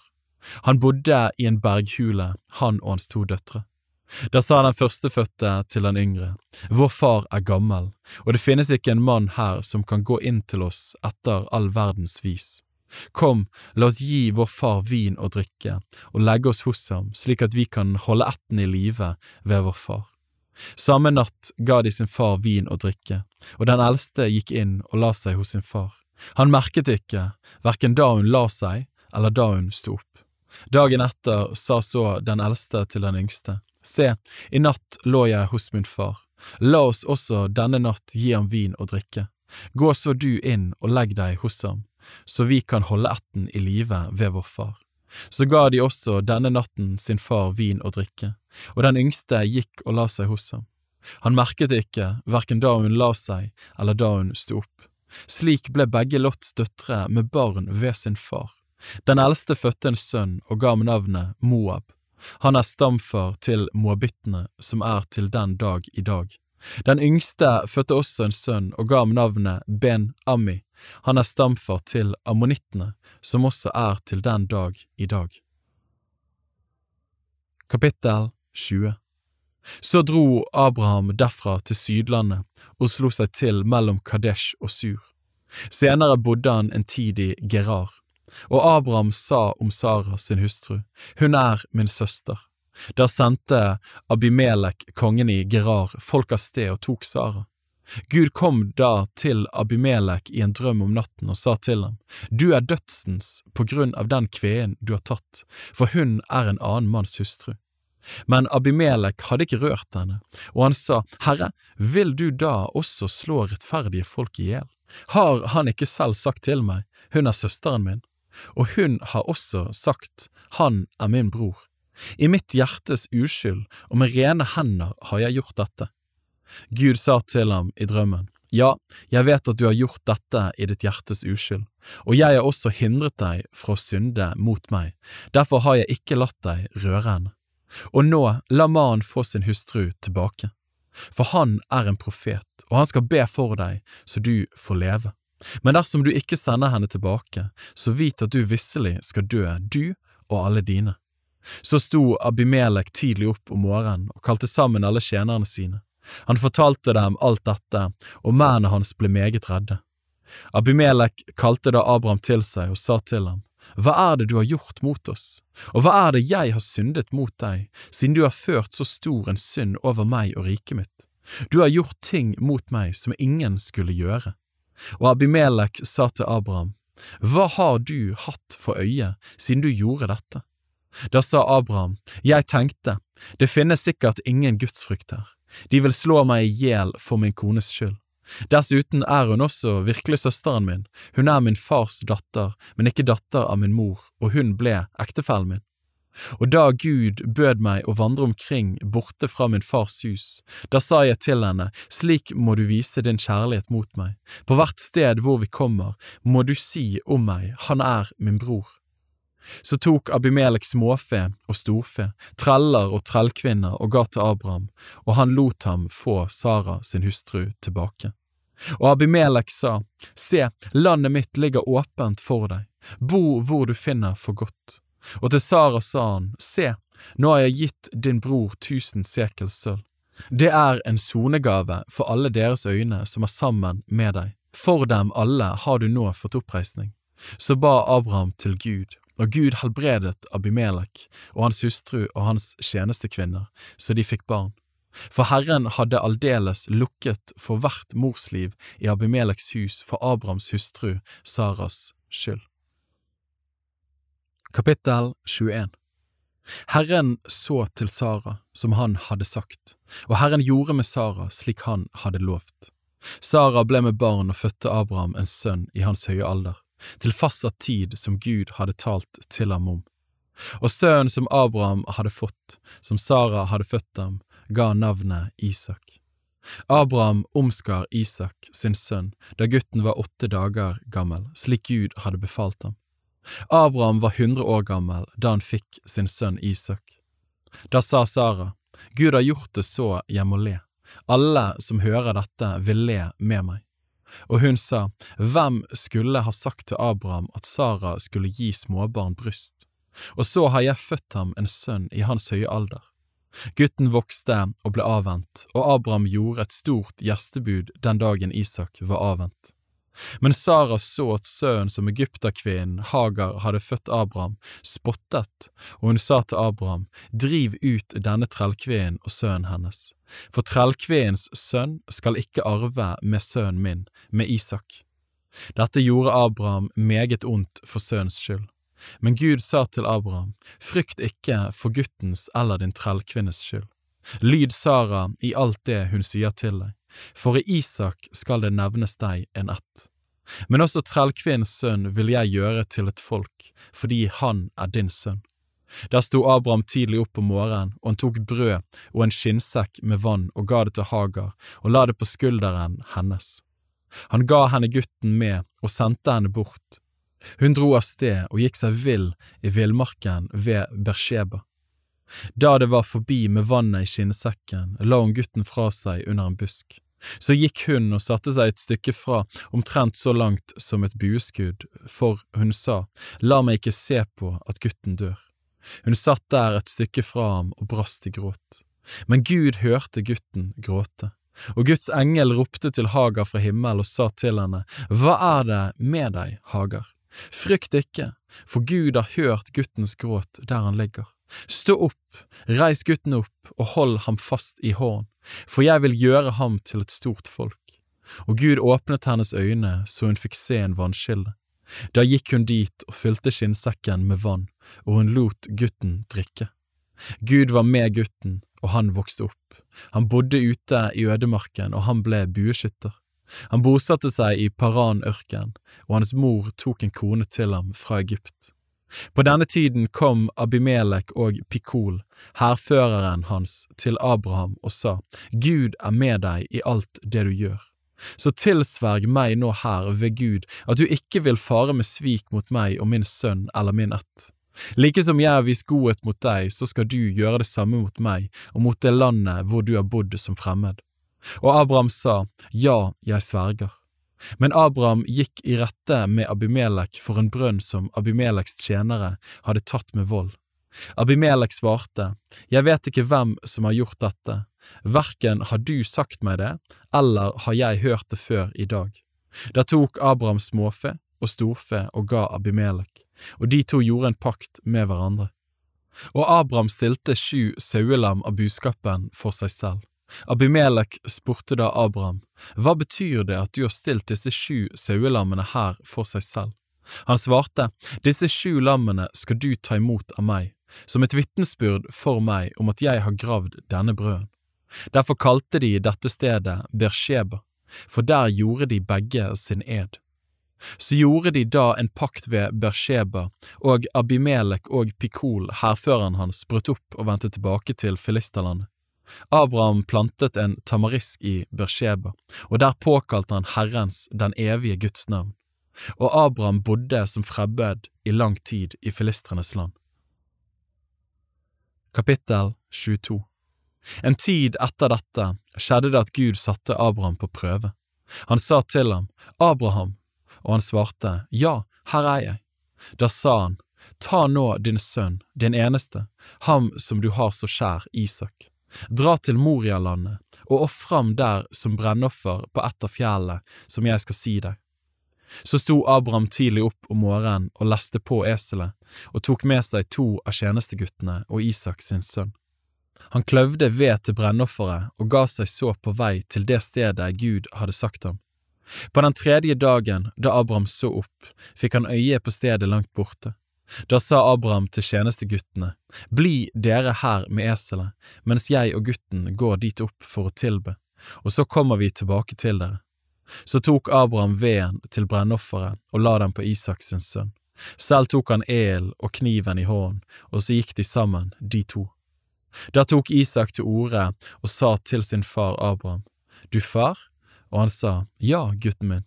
Han sa, Se, her er elen og veden, men hvor er lammet til brennofferet? Abraham svarte, Gud vil selv se seg ut lammet til brennofferet, min sønn. Så gikk de videre sammen, de to. De kom da til stedet Gud hadde sagt ham. Der bygde Abraham alteret og la veden til rette. Så bandt han Isak sin sønn og la ham på alteret oppå veden. Og Abraham rakte ut hånden og tok kniven for å ofre sin sønn. Da ropte Herrens engel til ham fra himmelen og sa, Abraham, Abraham, og han svarte, Ja, her er jeg. Da sa han, Legg ikke hånd på gutten, og gjør ham ikke noe, for nå vet jeg at du frykter Gud, siden du ikke har spart din sønn, din eneste, for meg. Abraham så da opp, og se, bak ham var det en vær som hang fast etter hornet i et skjær. Abraham gikk da bort og tok væren, og han ofret den som brennoffer istedenfor sin sønn. Og Abraham kalte dette stedet Herren ser. Derfor blir det sagt den dag i dag, på Herrens berg skal han la seg se. Herrens engel ropte så for andre gang til Abraham fra himmel, og han sa, Jeg sverger ved meg selv, sier Herren, fordi du gjorde dette og ikke sparte din sønn, din eneste sønn, så vil jeg storlig velsigne deg og gjøre din ett så tallrik som stjernene på himmelen og som sanden på havets strand. Din ett skal ta sine fienders porter i eie, og i din ett skal alle jordens folk velsignes, fordi du adlød mitt ord. Så gikk Abraham tilbake til tjenesteguttene, og de brøt opp og dro sammen til Bersheba, og Abraham ble boende i Bersheba. En tid etter kom det noen og fortalte Abraham, se, Milka har også født din bror Nakors sønner. Us den førstefødte, og Bus hans bror, og Kemuel far til Aram, og Kesed og Haso og Pildash, og Gidlaf og Betuel. Betuel var far til Rebekka. Disse åtte barna fikk Nakor, Abrahams bror, med Milka. Reuma, medhustruen hans, fikk også barn, Teba og Gaham og Tahas og Maaka. Kapittel 23 Saras alder ble 127 år. Det var Saras leveår, og Sara døde i Kiryat Arba. Det er Hebron i Kanans land. Og Abraham kom for å holde sørgehøytid og gråte over Sara. Så sto Abraham opp og gikk bort fra sin avdøde, og han talte til Hets barn og sa, En fremmed og en utlending er jeg blant dere. La meg få et gravsted til eiendom hos dere, så jeg kan føre min døde hustru bort og begrave henne. Da svarte Hets barn Abraham og sa til ham, Hør på oss, Herre, du er en Guds høvding blant oss. Begrav din døde i den beste av våre graver. Ingen av oss skal nekte deg sin grav til å begrave din døde. Da sto Abraham opp og bøyde seg for landets folk, for Hets barn. Og han talte med dem og sa, Dersom dere samtykker i at jeg fører min døde bort og begraver henne, så hør på meg og legg et godt ord inn for meg hos Evron, Sohars sønn, at han lar meg få Makpelahul, som tilhører ham og ligger i utkantene av marken hans. Han skal få full betaling for den hvis han vil overlate den til meg til eiendomsgravsted her midt iblant dere. Men Efron satt der midt blant Hets barn, og hetitten Efron svarte Abraham så Hets barn hørte det, alle de som var kommet til porten i byen hans, og han sa, Nei, Herre, hør på meg, jeg gir deg marken, og hulen der gir jeg deg også. For mine landsmenns øyne gir jeg den til deg begrav din døde der. Da bøyde Abraham seg for landets folk, og han talte til Efron mens landets folk hørte på, og sa, Bare du nå ville høre på meg, jeg betaler deg det marken er verd, ta imot det av meg, og la meg begrave min døde der.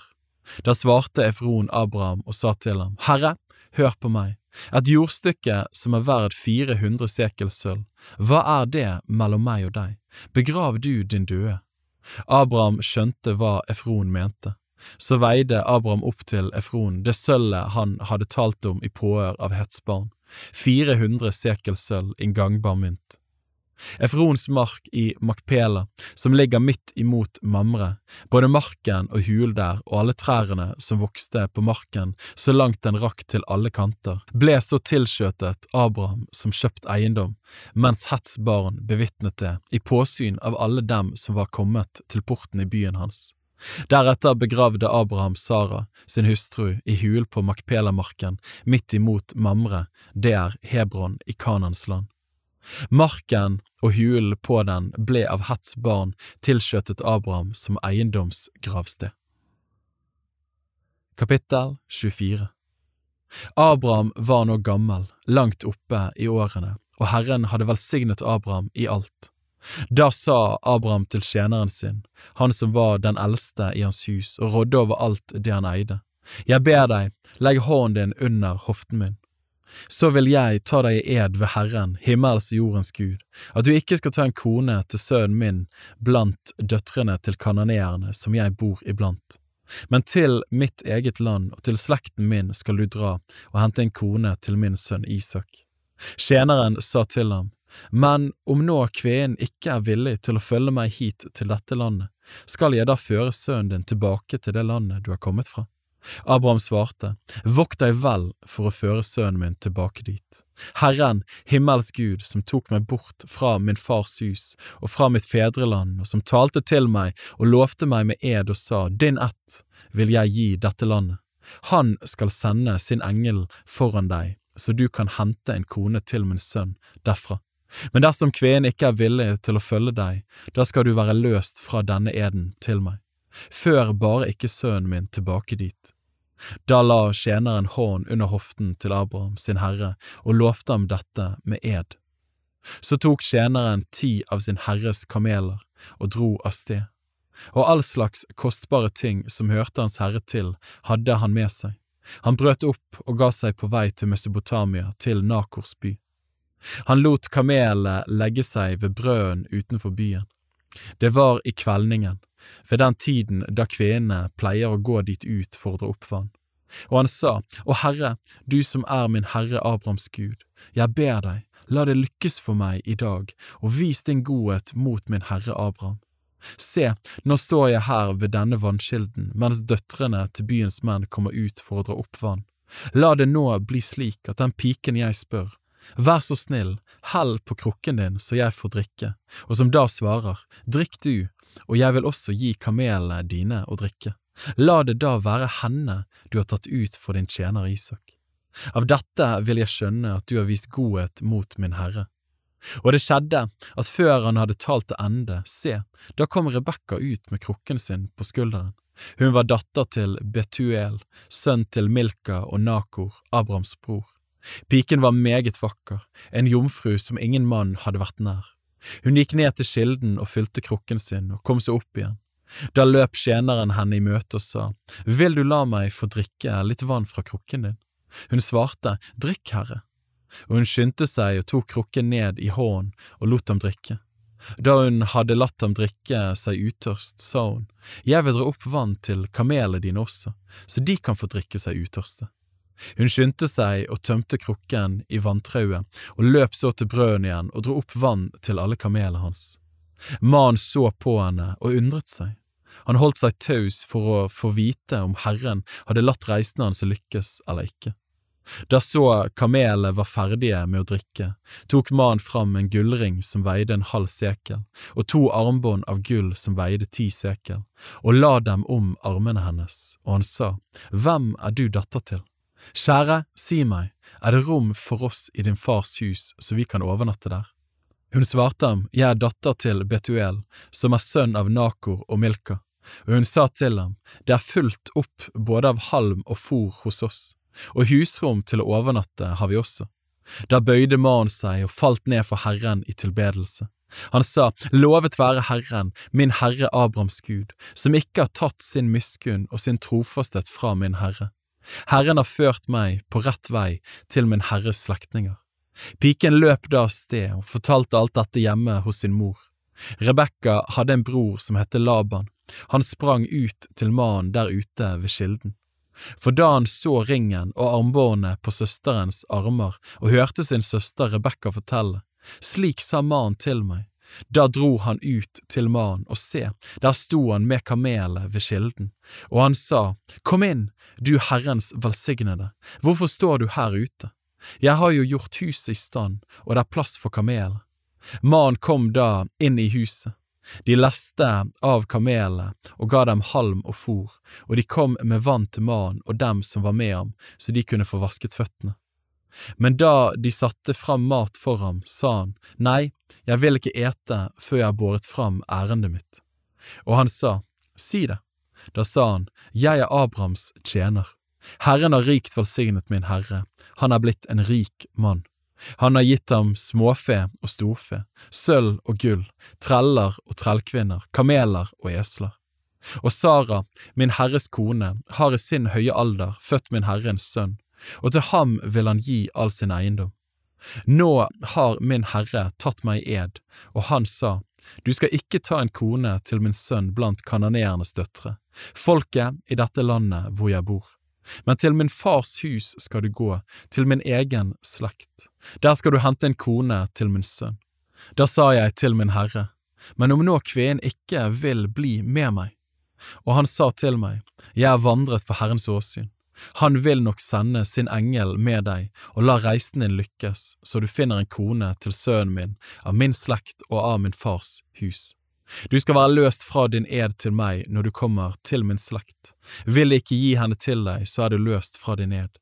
Så kom jeg da til kilden i dag, og jeg sa, Herre, du som er min Herre Abrahams Gud, og om du nå ville la denne reisen min lykkes, se, nå står jeg her ved denne kilden. Kommer det nå en ung pike hit ut for å dra opp vann, vil jeg si til henne, vær så snill, la meg få litt vann av krukken din. Svarer hun da, drikk du, og jeg vil også dra opp vann til kamelene dine. La henne da være den kveen som du har tatt ut for min Herres sønn. Før jeg ennå hadde talt ut i mitt hjerte, se, da kom Rebekka der med krukken på skulderen.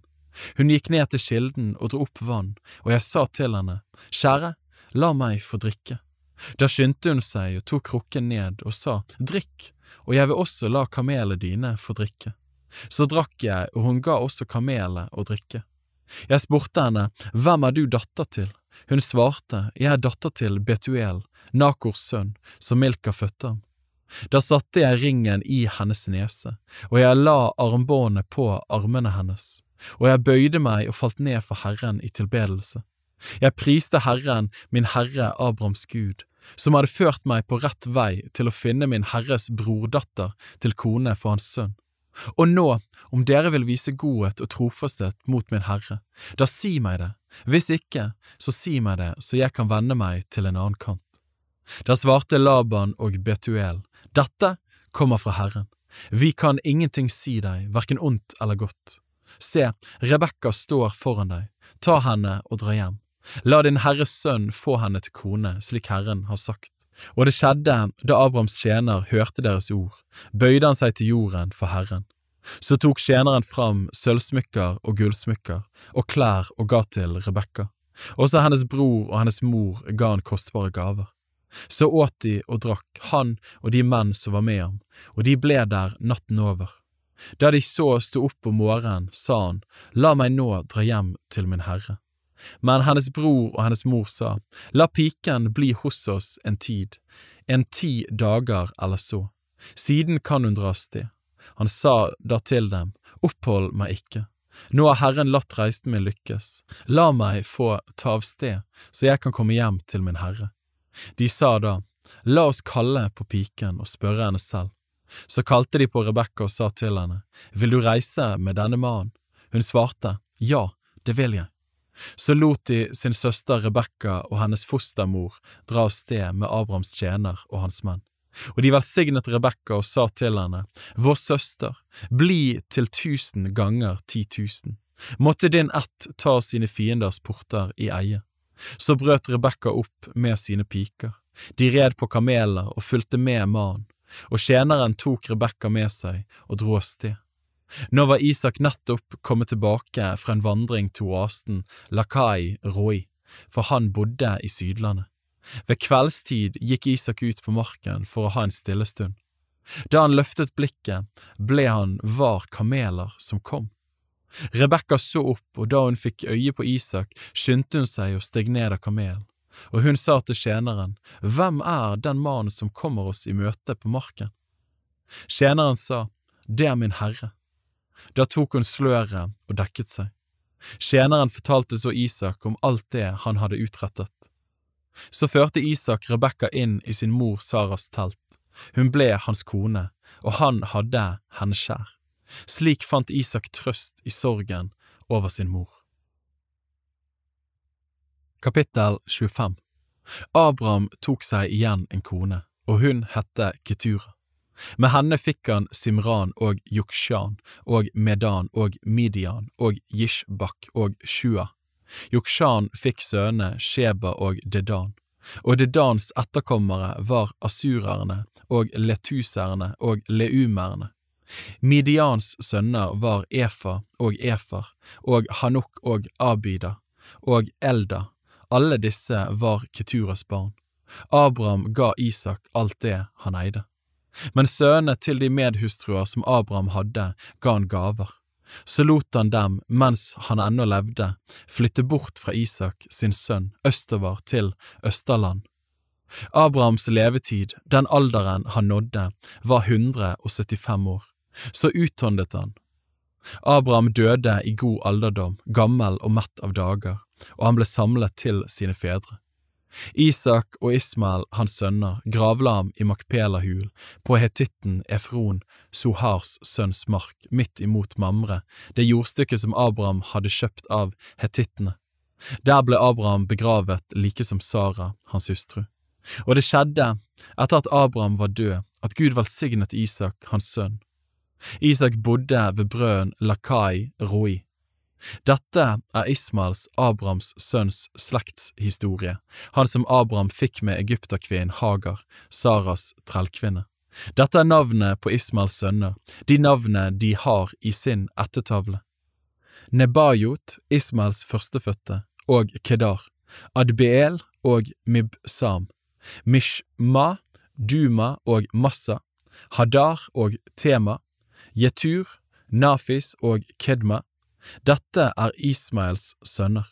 Dette var deres navn i deres byer og leirer, tolv høvdinger for deres etter. Ismaels leveår ble 137 år, så utåndet han og døde og ble samlet til sine fedre. De bodde fra Havila til Sur, som ligger midt for Egypt, på veien mot Asyria. Han slo seg ned midt imot alle sine brødre. Dette er Abrahams sønn Isaks slektshistorie. Abraham fikk sønnen Isak, og Isak var 40 år gammel da han tok til kone Rebekka, datter til arameeren Betuel fra Mesopotamia, søster til arameeren Laban. Isak ba til Herren for sin kone, for hun var barnløs. og Herren bønnhørte ham. Hans kone Rebekka ble med barn, men barna støtte mot hverandre i hennes liv.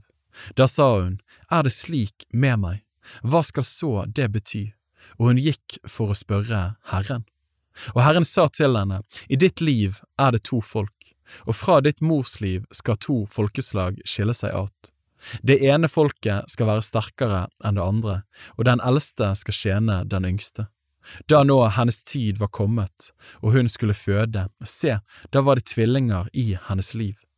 Den første som kom fram var rød og lodden som en kappe over hele kroppen, og de kalte ham Esau. Deretter kom broren hans fram. Hånden hans holdt fast i Esaus hæl, og de kalte ham Jakob. Isak var 60 år gammel da de ble født. Da guttene vokste opp, ble Esau en dyktig jeger, en mann som levde ute i marken. Men Jakob var en stillferdig mann som holdt seg ved teltene. Isak holdt mest av Esau, for han likte vilt, men Rebekka holdt mest av Jakob. En gang da Jakob holdt på å koke en matrett, kom Esau hjem fra marken rent utkjørt. Og Esau sa til Jakob, Vær så snill, la meg få sette til livs noe av det røde, dette røde du har der, for jeg er rent utkjørt. Derfor kalte de ham Edom. Da sa Jakob, selg meg da i dag førstefødselsretten din. Og Esau svarte, se, jeg holder på å dø, hva verd har vel da førstefødselsretten for meg? Jakob sa, gi meg din ed først, og han gjorde sin ed på det, han solgte førstefødselsretten sin til Jakob. Jakob ga så Esau brød og linsevelling, og han åt og drakk. Så reiste han seg og gikk sin vei, slik foraktet Esau førstefødselsretten. Kapittel 26 Det ble igjen uår med hungersnød i landet, slik som det før hadde vært på Abrahams tid. Isak dro da til filistrenes konge Abimelek i Gerar. Herren åpenbarte seg for ham og sa, Dra ikke ned til Egypt, men bli boende i det landet jeg sier deg. Opphold deg som fremmed her i landet, jeg vil være med deg og velsigne deg. For til deg og din ett vil jeg gi alle disse landene, og jeg skal holde den ed jeg har lovt Abraham, din far. Jeg vil gjøre din ett så tallrik som stjernene på himmelen, og jeg vil gi din ett alle disse landene og i din ett skal alle jordens folk velsignes, fordi Abraham hørte min røst og holdt mitt ord, mine bud, mine forskrifter og mine lover. Så ble Isak boende i Gerar. Da mennene der på stedet spurte ham ut om hans kone, sa han, hun er søsteren min, for han torde ikke si at hun var hans kone. Han tenkte, mennene på stedet her kunne da slå meg i hjel for Rebekkas skyld, siden hun er så vakker. Så skjedde det, etter at han hadde bodd der i lang tid, at Abimelek, filisterkongen, så ut gjennom vinduet og fikk se at Isak skjærtegnet sin kone Rebekka. Abimelek kalte da Isak til seg og sa, Sannelig, hun er din hustru, hvordan kunne du da si hun er søsteren min? Isak svarte, fordi jeg tenkte at jeg kunne komme til å miste livet for hennes skyld.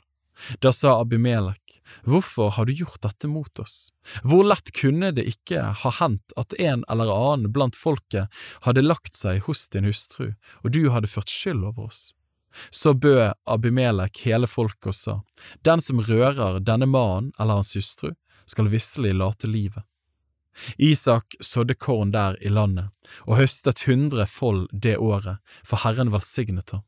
Han ble en mektig mann, og rikdommen hans vokste stadig så han til sist ble overmåte rik. Han eide småfe og storfe, og hadde mange tjenere så filistrene ble misunnelige på ham. Og alle brødene som hans fars tjenere hadde gravd i hans far Abrahams dager, dem kastet filistrene til og fylte dem med jord. Abimelek sa til Isak, Dra bort fra oss, for du er blitt altfor mektig for oss. Så dro Isak derfra og slo leir i Gerar dal, der ble han boende. Og Isak gravde opp igjen de brødene som de hadde gravd i Abrahams, hans fars, dager, og som filistrene hadde kastet til etter Abrahams død. Og han ga dem de samme navn som hans far hadde gitt dem. Isaks tjenere gravde i dalen, og de fant der en kilde med rene vann. Men gjeterne fra Gerar trettet med Isaks gjetere og sa, Vannet hører oss til, og han kalte brønnen Esek fordi de trettet med ham. Deretter gravde de en annen brønn, den trettet de også om, og han kalte den Sitne. Så brøt han opp derfra og gravde ennå en brønn. Den trettet de ikke om, og han kalte den Rehobot, og sa, Nå har Herren gjort hvitt rom for oss, og vi skal bli tallrike i landet. Derfra dro han opp til Bersheba. Samme natt åpenbarte Herren seg for ham og sa, Jeg er din far Abrahams Gud. Frykt ikke, for jeg er med deg. Jeg vil velsigne deg og gjøre din ett tallrik for min tjener Abrahams skyld.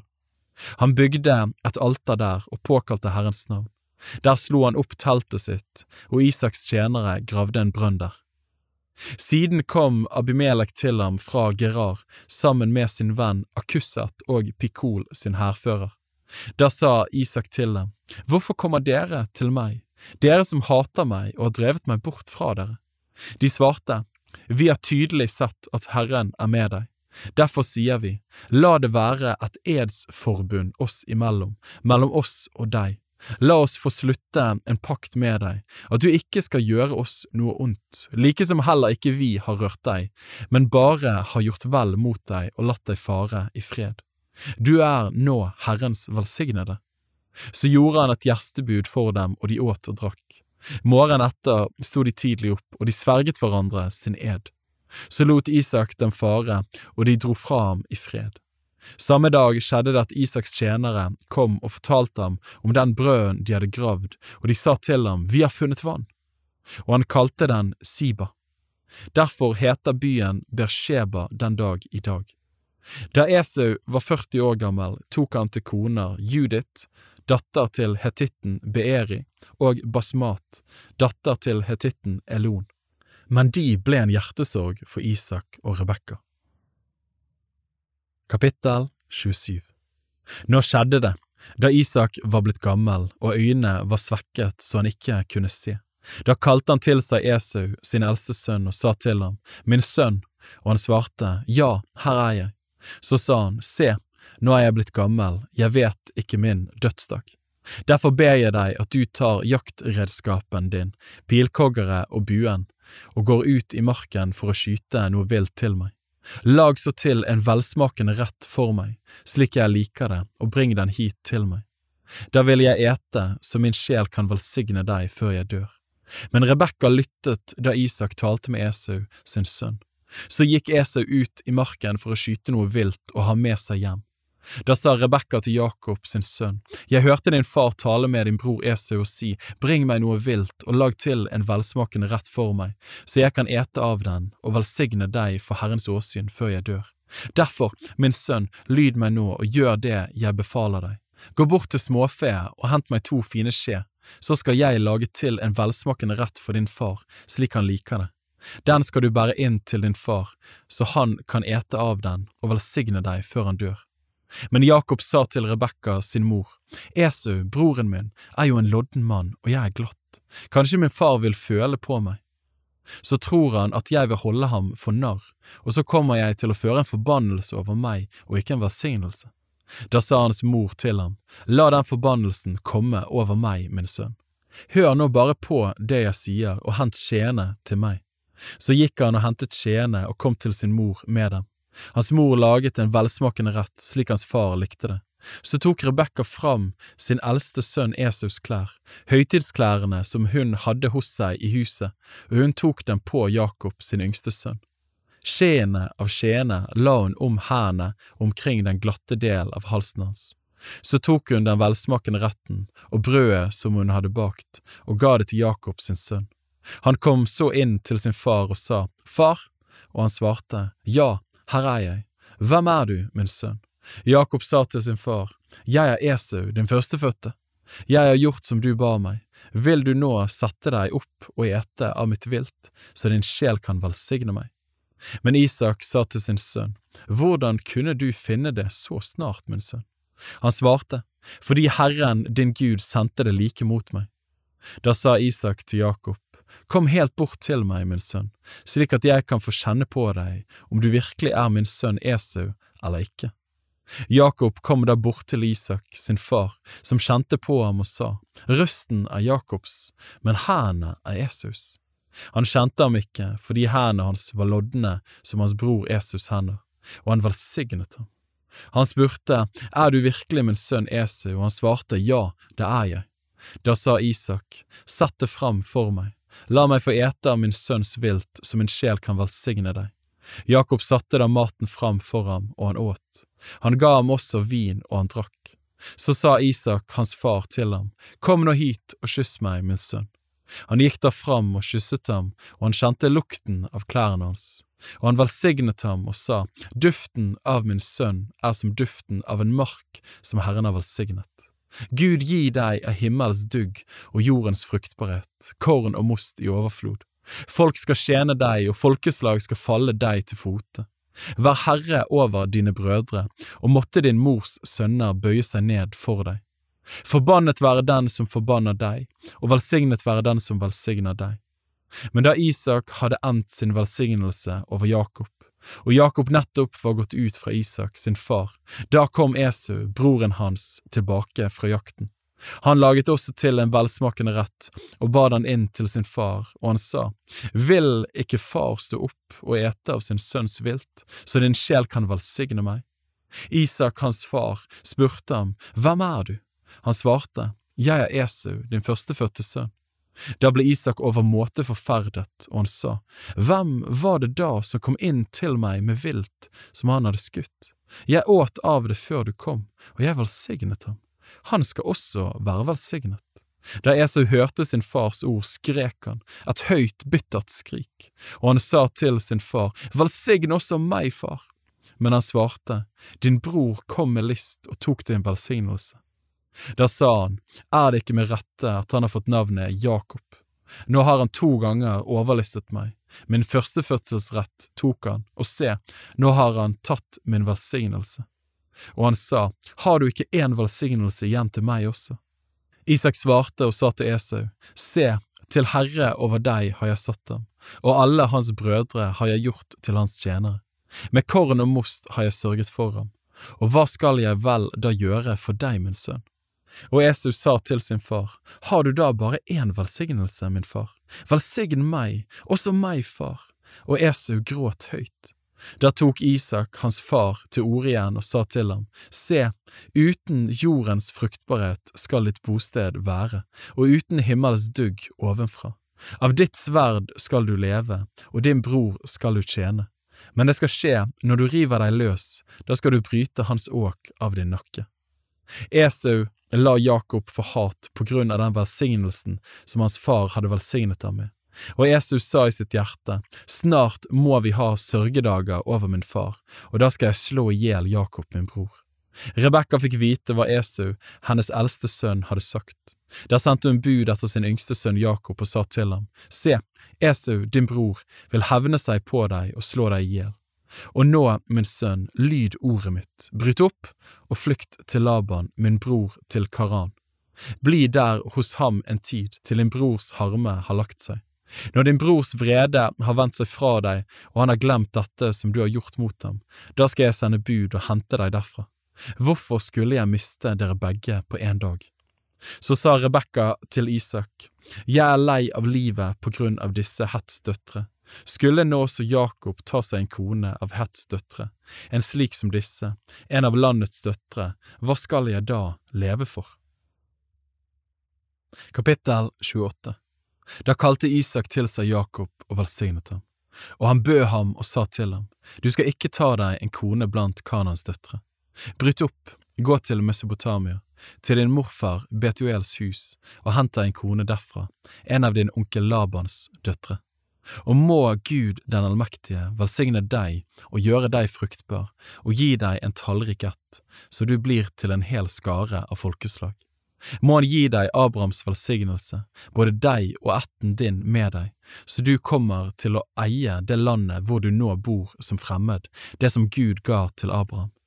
Og Isak sendte Jakob av sted, og han dro til Mesopotamia, til arameeren Laban, Betuels sønn. Laban var bror til Rebekka, Jakobs og Esaus mor. Nå så Esau at Isak hadde velsignet Jakob og sendt ham til Mesopotamia for å hente seg en kone derfra, og at han hadde gitt ham denne befalingen da han velsignet ham. Du skal ikke ta en kone blant Kanaans døtre. Og Jakob hadde hørt på sin far og sin mor og var reist til Mesopotamia.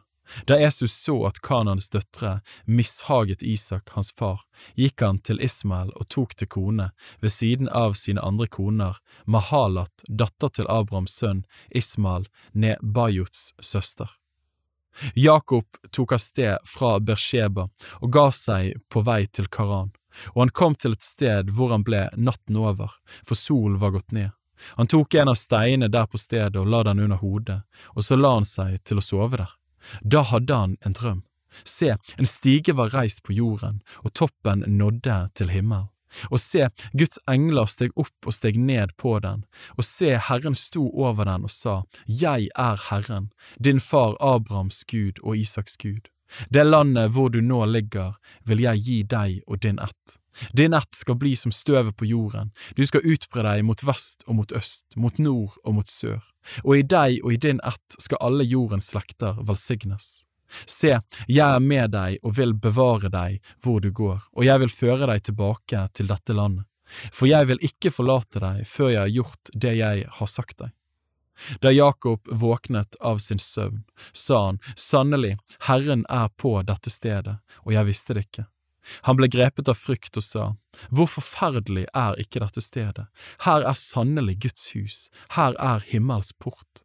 Jakob sto tidlig opp om morgenen, og han tok den steinen han hadde lagt under hodet, og reiste den opp som en minnestein. Han helte ut olje over toppen av steinen. Han ga stedet navnet Betel. Før hette byen Lus. Og Jakob gjorde et løfte og sa, Dersom Gud vil være med meg og bevare meg på den veien jeg går, og vil gi meg brød å ete og klær til å kle meg med, og jeg kommer tilbake til min fars hus i fred, så skal Herren være min Gud. Denne stein som jeg har reist til minnestein, skal være et Guds hus, og av alt det du gir meg, vil jeg gi deg tiende. Kapittel 29 Og Jakob ga seg igjen på vei og kom til Østens barns land.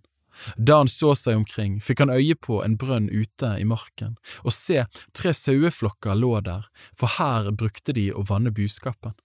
Over brønnåpningen lå det en stein, og den var stor. Her samlet de alle feflokkene, og gjeterne veltet stein fra brønnåpningen og lot småfe drikke. Så la de stein tilbake på plass over brønnen. Jakob spurte dem, Mine brødre, hvor er dere fra? Og de svarte, Vi er fra Karan. Så spurte han dem, Kjenner dere Laban, sønn til Nakor? De svarte, Ja, vi kjenner ham. Han spurte da, Står det vel til med ham? Og de svarte, Ja, det står vel til. Og se, der kommer Rakel, datteren hans, med småfe. Da sa han, Det er jo ennå høylys dag, det er for tidlig å samle buskapen. La småfe få drikke og ta dem ut på beite igjen. Nei, svarte de, det kan vi ikke gjøre før alle feflokkene er samlet og gjeterne har veltet stein fra brøden. Da vanner vi småfe. Mens han sto og snakket med dem, kom Rakel med sin fars småfe, for det var hun som gjette. Da når Jakob fikk se Rakel, sin onkel Labans datter, og så småfe som hørte til onkel, gikk han fram og veltet stein fra brønnåpningen og vannet sin onkel Labans småfe. Og Jakob kysset Rakel og brast i gråt.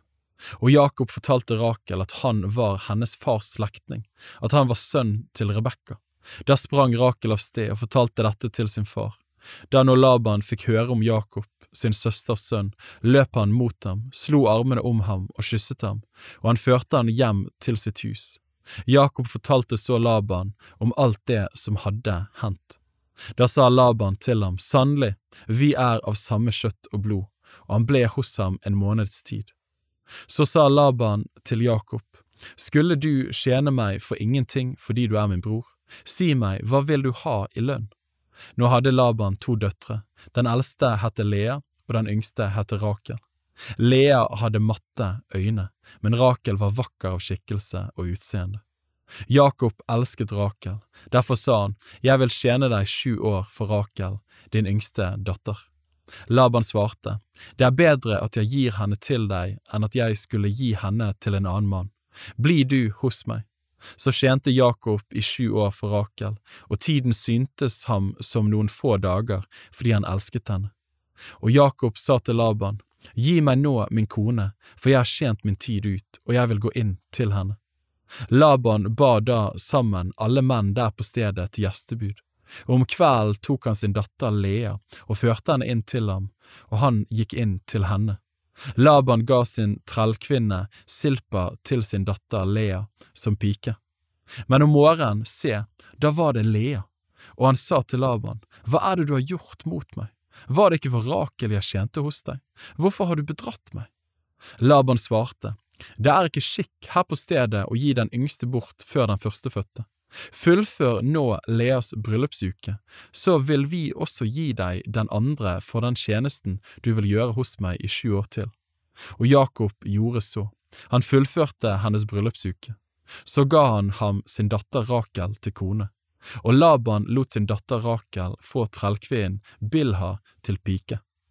Jakob gikk inn til Rakel, og han holdt mer av Rakel enn av Lea, siden tjente han sju år til hos Laban. Da Herren så at Lea var sett ned på, åpnet han hennes mors liv, men Rakel var barnløs. Lea ble med barn og fødte en sønn, og hun kalte ham Ruben, for hun sa, Herren har sett til meg i min ulykke, nå vil mannen min elske meg.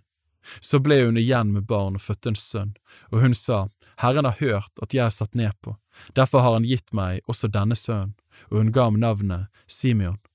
Hun ble igjen med barn og fødte en sønn. Hun sa, Nå, denne gangen vil mannen min bli knyttet til meg, for jeg er født ham tre sønner. Derfor fikk han navnet Levi. Igjen ble hun med barn og fødte en sønn. Da sa hun, Nå vil jeg prise Herren. Derfor kalte hun ham Juda. Så fikk hun ikke flere barn for en tid. Kapittel 30 Da Rakel så at hun ikke fødte Jakob barn, ble hun misunnelig på søsteren sin. Hun sa til Jakob, Gi meg barn, ellers dør jeg. Da ble Jakob brennende harm på Rakel, og han sa, Er jeg i Guds sted, som har nektet deg livsfrukt? Da sa hun, Se, her er trellkvinnen min, Bila, gå inn til henne, så hun kan føde på mine knær, slik at også jeg kan få barn ved henne. Så ga hun ham sin trellkvinne Bila til kone, og Jakob gikk inn til henne. Og Bila ble med barn og fødte Jakob en sønn. Da sa Rakel, Gud har dømt i min sak. Han har hørt bønnen min og gitt meg en sønn. Derfor ga hun ham navnet Dan. Og Bila, Rakels trellkvinne, ble igjen med barn og fødte Jakob enda en sønn. Rakel sa da, Jeg har kjempet Guds kamper med min søster, og nå har jeg vunnet, og hun kalte ham Naftali. Da Lea så at hun ikke fikk flere barn, tok hun Silpa, trellkvinnen sin, og ga Jakob henne til kone. Og Leas trellkvinne Silpa fødte Jakob en sønn. Lea sa, for en lykke, og hun kalte ham Gad. Og Silpa, Leas trellkvinne, fødte Jakob enda en sønn. Da sa Lea, hvor lykkelig jeg er, for kvinner vil prise meg lykkelig, og hun ga ham navnet Asher. En dag i hvetehøstens tid gikk Ruben ut på marken og fant alruner som han tok hjem til Lea sin mor. Da sa Rakel til Lea, Kjære, gi meg noen av dine sønns alruner. Men hun svarte, Er det ikke nok at du har tatt mannen min, vil du nå også ta min sønns alruner? Da sa Rakel, Så la ham da ligge hos deg i natt hvis jeg får din sønns alruner. Da Jakob om kvelden kom inn fra marken, gikk Lea ut for å møte ham, og hun sa, Det er meg du skal komme inn til, for jeg har tinget deg for min sønns alruner. Så lå han hos henne denne natten, og Gud hørte Lea, hun ble med barn og fødte Jakob en femte sønn. Da sa Lea, Gud har gitt meg min lønn fordi jeg ga min mann trellkveen min, og hun kalte ham Issakar. Deretter ble Lea igjen med barn og fødte Jakob en sjette sønn. Da sa Lea, Gud har gitt meg en god gave. Nå kommer mannen min til å bo hos meg, for jeg har født ham seks sønner, og hun kalte ham Sebulon. Siden fødte hun en datter og kalte henne Dina. Da kom Gud Rakel i hu, og Gud hørte henne og åpnet hennes mors liv. Hun ble med barn og fødte en sønn. Da sa hun, Gud har tatt bort min vanære, og hun kalte ham Josef og sa, Herren gi meg ennå en sønn. Og det skjedde, da Rakel hadde født Josef, at Jakob sa til Laban, La meg fare, så jeg kan dra til min boplass og til mitt eget land. Gi meg kone mine og barna mine, som jeg har tjent deg for, så vil jeg dra av sted. du vet jo selv hvordan jeg har tjent deg.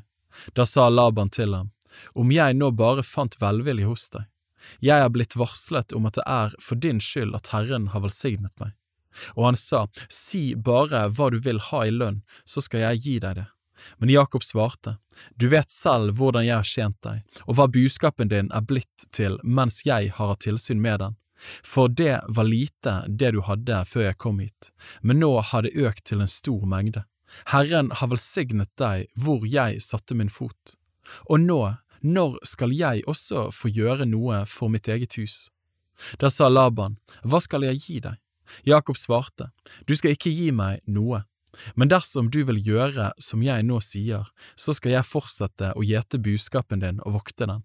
I dag vil jeg gå gjennom hele buskapen din og skille ut alt som er flekket og spraglet og alt som er svart blant sauene, likeså alt som er spraglet og flekket blant geitene, og disse skal være lønnen min. Slik skal min rederlighet vitne for meg i fremtiden, når du siden kommer og ser over min lønn. Finnes det hos meg noen geit som ikke er flekket og spraglet, eller noen sau som ikke er svart, så er det stjålet. Laban sa, ja visst, la det være slik du har sagt. Samme dag skilte han, Laban, ut de stripete og spraglete geitebukker og alle flekkete og spraglete geiter, alt som hadde noe hvitt på seg, og han skilte ut alt som var svart blant sauene. Dette lot han så sauene sine ta hånd om. Så la han tre dagsreiser mellom seg og Jakob, og Jakob gjette resten av Labans småfe. Men Jakob tok seg friske skjepper av poppel og hassel og lønn, og han skavde hvite striper på dem så det hvite på skjeppene ble bart. Han la skjeppene som han hadde skavd, i rene, i vanntrauene hvor småfe kom for å drikke, like foran småfe, for de paret seg når de kom for å drikke. Så paret småfe seg ved skjeppene og fikk stripete, flekkete og spraglete unger. Så skilte Jakob disse lammene ut, men lot småfe vende øynene mot det stripete og alt det svarte blant Labans småfe. Slik fikk han flokker for seg selv og slapp dem ikke sammen med Labans småfe.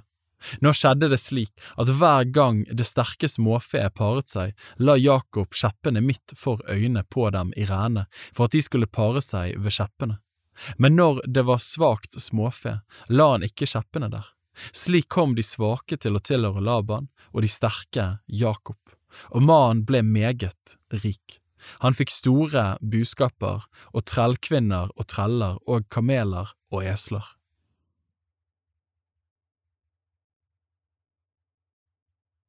Kapittel 31 Så fikk Jakob høre at Labans sønner hadde sagt, Jakob har tilrevet seg alt det vår far eide. Det er av vår fars eiendom han har lagt seg til all denne rikdommen.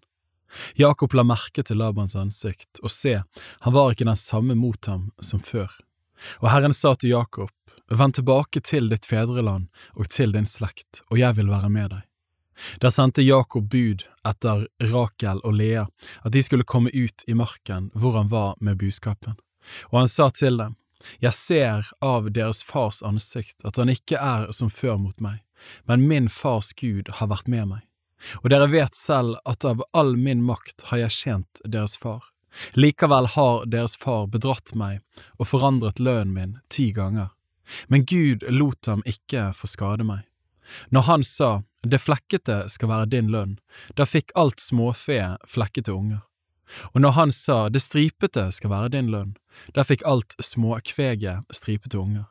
Slik har Gud tatt den buskapen som tilhørte deres far, og gitt den til meg. Det skjedde ved den tiden da småfe paret seg, at jeg løftet mine øyne og så i en drøm, og se, bukkene som paret seg med småfe var stripete, flekkete og prikkete. Guds engel sa til meg i drømmen, Jakob, og jeg svarte, ja, her er jeg. Da sa han, løft nå blikket og se. Alle bukkene som parer seg med småfe, er stripete, flekkete og prikkete, for jeg har sett alt det Laban gjør mot deg. Jeg er den Gud som møtte deg i Betel, der hvor du salvet en minnestein og hvor du gjorde meg et løfte. Bryt nå opp, dra ut fra dette landet og vend tilbake til ditt fødeland. Da svarte Rakel og Lea, har vi vel lenger noen lodd eller arv i vår fars hus? Har han ikke aktet oss som fremmede? Han har jo solgt oss, og attpå har han gjort seg til gode med prisen som han fikk for oss. Derfor, all den rikdommen Gud har tatt fra vår far, den tilhører oss og våre barn. Og nå, alt det Gud har sagt til deg, gjør det. Så brøt Jakob opp, han satte sine barn og koner på kamelene, og han førte med seg hele buskapen sin og alt det godset han hadde samlet seg, det feet han eide, som han hadde vunnet i Mesopotamia. Han dro av sted til Kanans land, til Isak sin far. Men Laban var dratt bort på saueklipping, da stjal Rakel sin fars husguder, og Jakob overlistet armeeren Laban. Han fortalte ham ikke noe om at han var i ferd med å flykte. Så rømte han med alt det han hadde. Han brøt opp og satte over elven og tok veien til Gileadfjellet. På den tredje dagen ble det fortalt Laban at Jakob var flyktet. Da tok han med seg sine slektninger og satte etter ham sju dagsreiser og nådde ham igjen på Gileadfjellet. Men Gud kom til armeeren Laban i en drøm om natten og sa til ham, Vokt deg vel for å si noe til Jakob, hverken godt eller ondt. Da Laban nådde Jakob igjen, hadde Jakob slått opp teltet sitt på berget. Også Laban og hans slektninger slo opp teltet sitt der på Gileadfjellet. Da sa Laban til Jakob, Hva er det du har gjort? Du har narret meg og bortført døtrene mine som om de var tatt til fange i krig. Hvorfor flyktet du hemmelig og stjal deg bort fra meg uten å si noe til meg om det? Jeg ville ha sendt deg av sted med gledesrop og sang, med tamburiner og harper. Du lot meg ikke engang få kysse mine sønner og døtre. Det var dårlig gjort av deg. Jeg har i min makt å gjøre ondt mot dere, men deres fars Gud talte til meg i natt og sa, ta deg i vare for å si noe til Jakob, hverken godt eller ondt. Men når du nå er dratt bort fordi du hadde slik lengsel etter din fars hus, hvorfor stjal du da mine guder? Da svarte Jakob og sa til Laban, Jeg var redd, og jeg tenkte at du kanskje kunne ta døtrene dine fra meg med makt, men den du finner dine guder hos, han skal ikke leve. Se nå etter her i våre slektningers never, og finn ut hva som er ditt blant det jeg har hos meg, og ta det med deg. Men Jakob visste ikke at Rakel hadde stjålet dem. Da gikk Laban inn i Jakobs telt og i Leas telt og i begge trellkvenes telt, men fant ikke noe. Så gikk han ut av Leas telt og kom inn i Rakels telt, men Rakel hadde tatt husgudene og lagt dem i kamelsal og satt seg på den. Laban gjennomsøkte hele teltet, men fant ingenting. Og hun sa til sin far, Min herre må ikke bli vred fordi jeg ikke kan reise meg for deg, for det er på kvinners vis med meg. Han lette omkring, men fant ikke husgudene. Da ble Jakob vred og gikk i rette med Laban. Jakob tok til orde og sa til ham, Hva er min overtredelse? Hva er min synd, siden du forfølger meg slik? Du har nå lett gjennom alt det jeg eier, hva fant du da som hører ditt hus til? Legg det fram her for mine slektninger og dine slektninger, og la dem dømme mellom oss to. Disse 20 årene har jeg vært hos deg, sauene og geitene dine har ikke født i utide, og værene av småfe har jeg ikke ett opp. Det som var revet i hjel, kom jeg ikke hjem til deg med, jeg godgjorde selv skaden. Av min hånd krevde du det, enten det var stjålet om dagen eller det var stjålet om natten. Slik hadde jeg det, om dagen fortærtes jeg av hete, og av kulde om natten, søvn flydde fra mine øyne. Disse 20 årene har jeg nå vært i ditt hus, jeg har tjent deg i 14 år for dine to døtre og i seks år for småfe, men du har forandret lønnen min ti ganger. Hadde ikke min fars Gud vært med meg, Abrahams Gud, Isaks redsel, sannelig, da hadde du sendt meg tomhendt av sted. Men Gud har sett min plage og mine hender slit, og han har dømt i natt. Da svarte Laban og sa til Jakob, Døtrene er mine døtre, og barna er mine barn. Buskapen er min buskap, alt det du ser er mitt. Hva skulle jeg kunne gjøre i dag mot disse, mine døtre eller mot deres barn, som de er født? Så kom nå, la oss gjøre en pakt, jeg og du, den skal være et vitne mellom meg og deg. Da tok Jakob en stein og reiste den opp som en minnestein. Og Jakob sa til slektningene sine, sank sammen stein. De tok steiner og laget en røys, og så holdt de måltid der ved steinrøysa. Laban kalte den Jegar sa Haduta, og Jakob kalte den Gal Ed. Da sa Laban, denne røysa skal i dag være vitne mellom meg og deg, derfor fikk den navnet Gal Ed. Men også Mispa, for han sa, Herren skal holde vakt mellom meg og deg når vi kommer hverandre av syne. Dersom du skulle fare ille med mine døtre, eller hvis du tar deg andre koner ved siden av mine døtre, det er Gud vitne mellom meg og deg, selv om det ikke er noe menneske med oss. Så sa Laban til Jakob, Se, denne røysa og denne minnesteinen har jeg satt mellom meg og deg. Denne røysa skal være vitne, og minnesteinen skal være vitne om at jeg ikke skal dra forbi denne røysa til deg, og du skal ikke dra forbi denne røysa og denne minnesteinen for å gjøre ondt. Abrahams Gud og Nakors Gud, han som var deres fars Gud, han skal dømme mellom oss. Og Jakob sverget ved hans far Isaks redsel. Så ofret Jakob et slakteoffer der på fjellet og innbød slektningene sine til måltid, og de holdt måltid og ble natten over på fjellet. Tidlig om morgenen sto Laban opp, han kysset sine sønner og sine døtre og velsignet dem, så dro Laban bort og vendte hjem igjen. Kapittel 32 Jakob dro da sin vei videre, og Guds engler møtte ham. Og Jakob sa, da han så dem, dette er Guds leir, og han kalte stedet Mahanajim. Så sendte Jakob bud foran seg til Esau sin bror i landet Seir på Edoms mark. Han bød dem og sa, Dere skal si til min herre Esau, så sier din tjener Jakob, Jeg har oppholdt meg hos Laban og vært der helt til nå. Jeg har fått okser, esler og småfe, treller og trellekvinner. Nå sender jeg bud til min Herre for å fortelle dette og for å finne nåde for dine øyne. Sendebudene kom tilbake til Jakob og meldte, Vi kom til din bror, til Esau. Nå kommer han selv i møte med deg og 400 mann med ham. Da ble Jakob meget forferdet. Han delte folket som var med ham, og småfe, storfe og kameler i to leirer. For han sa, om Esau kommer til den ene leiren og slår den, så kan den leiren som er igjen få berge seg unna. Og Jakob sa, Min far Abrahams Gud og min far Isaks Gud, Herre, du som sa til meg, vend tilbake til ditt land og din slekt, og jeg vil gjøre vel imot deg. Jeg er uverdig til all den miskunnhet og trofasthet som du har vist mot din tjener. For med staven min gikk jeg over Jordan her, og nå er jeg blitt til to leirer.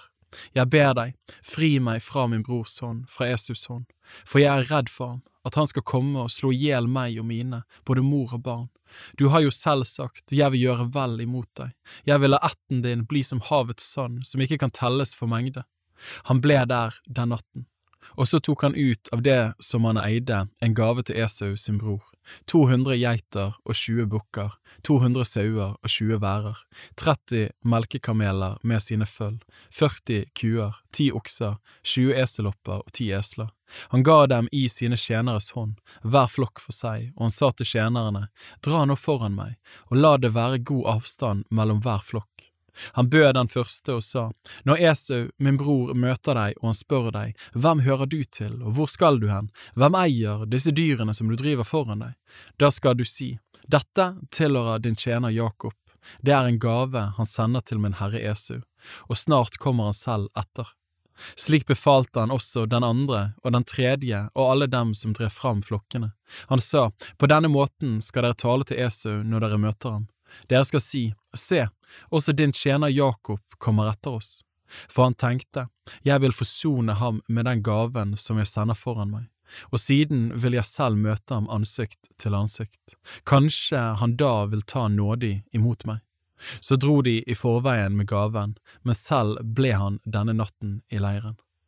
Samme natt sto Jakob opp og tok sine to koner, de to trellkvinnene og sine elleve sønner, og gikk over vadestedet ved Jabbok. Han tok og satte dem over elven, og førte også over alt det han eide. Jakob ble så alene tilbake. Da kom det en mann og kjempet med ham helt til morgenen grudde. Da mannen så at han ikke kunne overvinne ham, rørte han ved hofteskålen hans, og Jakobs hofteskål gikk av ledd mens han kjempet med ham. Og han sa, Slipp meg, for morgenen gryr. Men Jakob sa, Jeg slipper deg ikke uten at du velsigner meg. Da sa han til ham, Hva er navnet ditt? Han svarte, Jakob. Han sa, Du skal ikke lenger hete Jakob, men Israel, for du har kjempet med Gud og med mennesker og vunnet.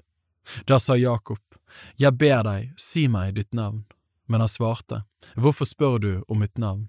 Og han velsignet ham der. Jakob kalte stedet Pniel, for, sa han, jeg har sett Gud ansikt til ansikt og ennå berget livet. Og solen rant nettopp som han var kommet forbi Pnuel. men han haltet på hoften sin. Derfor er det så til denne dag at Israels barn aldri eter spenneseen som er på hofteskål, fordi han rørte ved Jakobs hofteskål på spenneseen. Kapittel 33 Da Jakob så opp, fikk han øye på Esau som kom, og 400 mann med ham. Jakob fordelte så barna mellom Lea og Rakel og de to trellkvinnene. Han stilte trellkvinnene med sine barn fremst, bakenfor dem Lea og hennes barn og Rakel med Josef bakerst. Selv gikk han fram foran dem og bøyde seg sju ganger til jorden inntil han kom fram til sin bror. Men Esau løp ham i møte og omfavnet han. Han falt ham om halsen og kysset ham, og de gråt. Esau så opp og fikk øye på kvenene og barna, og han sa, Hvem er disse som du har med deg der? Jakob svarte, Det er de barn som Gud har unnt din tjener. Så kom trellkvenene med sine barn nær bortil, og de bøyde seg. Lea kom også nær med sine barn, og de bøyde seg. Deretter gikk Josef fram og Rakel, og de bøyde seg. Esau sa da, Hva mente du med hele denne leiren som jeg møtte? Han svarte, Jeg ville finne nåde for min Herres øyne. Men Jesus sa, Jeg har rikelig. Min bror, la det være ditt som er ditt. Jakob sa, Nei, jeg ber deg, har jeg funnet nåde for dine øyne, så ta imot min gave. For da jeg så ansiktet ditt, var det som om jeg så Guds eget ansikt, så vennlig var du mot meg. Kjære, ta imot gaven min som jeg sendte deg, for Gud har vært god mot meg, og jeg har nok av alle ting. Og han nødde ham til han tok imot gaven. Da sa Esau, la oss bryte opp og dra videre, så skal jeg dra like foran deg. Men Jakob svarte, Min Herre vet at barna er svake. Småfe og storfe hos meg har nylig båret, og driver en dem hardt, om bare en eneste dag, så dør alt småfe. Vil ikke min Herre dra i forveien for sin tjener, så kan jeg følge langsomt etter, slik det passer for buskapen jeg driver, og for barna, til jeg kommer til min Herre i Seir. Da sa Esau, så vil jeg få lov til å la noen av mennene mine bli igjen hos deg. Men han svarte, hvorfor skulle det behøves, la meg bare finne nåde for min Herres øyne. Så vendte Esau samme dag tilbake og dro sin vei til Sier. Og Jakob dro til Sukkot, hvor han bygde seg et hus og laget løvhytter til buskapen sin. Derfor kalte de stedet Sukkot. Jakob kom vel fram til byen Sikhem, som ligger i Kanaans land, på sin ferd fra Mesopotamia, og han slo leir utenfor byen. Og det jordstykket som han hadde slått opp teltet sitt på, kjøpte han av Hamor, Sikhems far, for hundre kesitter. Der reiste han et alter og kalte det El Eloe Israel. Kapittel 34 Dina, Jakobs datter med gikk en gang ut for å se på landets døtre. Og Sikem, sønn av hevitten Hamor, høvdingen i landet, så henne. Han tok henne og lå med henne og krenket henne. Men hjertet hans hang ved Dina, Jakobs datter. Han elsket piken og talte kjærlig til henne. Så talte Sikem med sin far Hamor og sa til ham, Sørg for at jeg får denne piken til kone. Jakob fikk høre at Sikhem hadde vanæret Dina, hans datter. Men sønnene hans var ute på marken med buskapen, og Jakob tydde med det til de kom hjem. Men Hamor, Sikhems far, gikk ut til Jakob for å tale med ham. Da Jakobs sønner kom hjem fra marken og fikk høre om dette, ble de forbitret og fulle av harme. For Sikhem hadde gjort en skammelig gjerning mot Israel ved å ligge med Jakobs datter, slik burde ikke skje. Men Hamor talte med dem og sa, Min sønn Sikhems hjerte henger ved deres datter. Kjære, la ham få henne til kone. Inngå svogerskap med oss, gi oss deres døtre og ta dere våre døtre. Bli boende her hos oss. Landet skal være åpent for dere. Bo her og dra omkring og skaff dere eiendommer her. Og Sikhem sa til hennes far og til hennes brødre, La meg finne nåde i deres øyne, så skal jeg gi dere det dere krever av meg. Krev bare så meget dere vil av meg i medgift og andre gaver. Jeg skal gi det dere vil ha, la meg bare få piken til kone. Men Jakobs sønner svarte Sikhem og Hamor, hans far, med svik da de talte med dem fordi han hadde vanæret deres søster Dine. De sa til dem, dette er noe vi ikke kan gjøre, det ville være en skam for oss å gi søsteren vår til en mann som har forhud. Bare på det vilkår vil vi gå med på dette, at dere blir som vi og alt mannskjønn hos dere lar seg omskjære. Da vil vi gi døtrene våre til dere, og vi vil gifte oss med deres døtre og bo hos dere, slik at vi blir ett folk. Men dersom dere ikke vil høre på oss og la dere omskjære, da tar vi vår søster og drar bort. Og de syntes godt om deres ord, både Hamor og hans sønn Sikem. Den unge mannen drøyde ikke med å gjøre dette, for han var glad i Jakobs datter, og han var den som sto høyst i ære i sin fars hus. Hamor og hans sønn kom til porten i sin by, og de talte med byens menn og sa, Disse mennene vil gjerne leve i fred med oss. La dem derfor bo i landet og dra omkring her, for se, landet er jo vidt nok for dem. La oss ta døtrene deres til koner og gi dem våre døtre. Men bare på det vilkår vil mennene gå med på å bo blant oss og bli et folk med oss, at alt mannskjønn blant oss lar seg omskjære like som de er omskåret. Deres buskap og gods og alle deres kløvdyr blir det ikke alt vårt hvis vi nå bare er dem til vilje, slik at de blir boende hos oss. Alle som hørte hjemme i hans by, hørte på Hamor og hans sønn Sikhem, og alt mannskjønn, alle som hørte hjemme i hans by, ble omskåret. Men det skjedde på den tredje dagen, da de hadde smerte av sårene, da tok Jakobs sønner, Simeon og Levi, Dinas brødre, hver sitt sverd, og de kom uforvarende over byen og slo alt mannskjønn i hjel.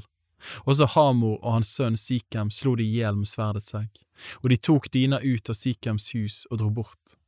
Jakobs sønner falt over de drepte og plyndret byen, fordi deres søster var blitt vanæret. De tok deres småfe og storfe og deres esler, både det som var i byen og det som var ute i marken.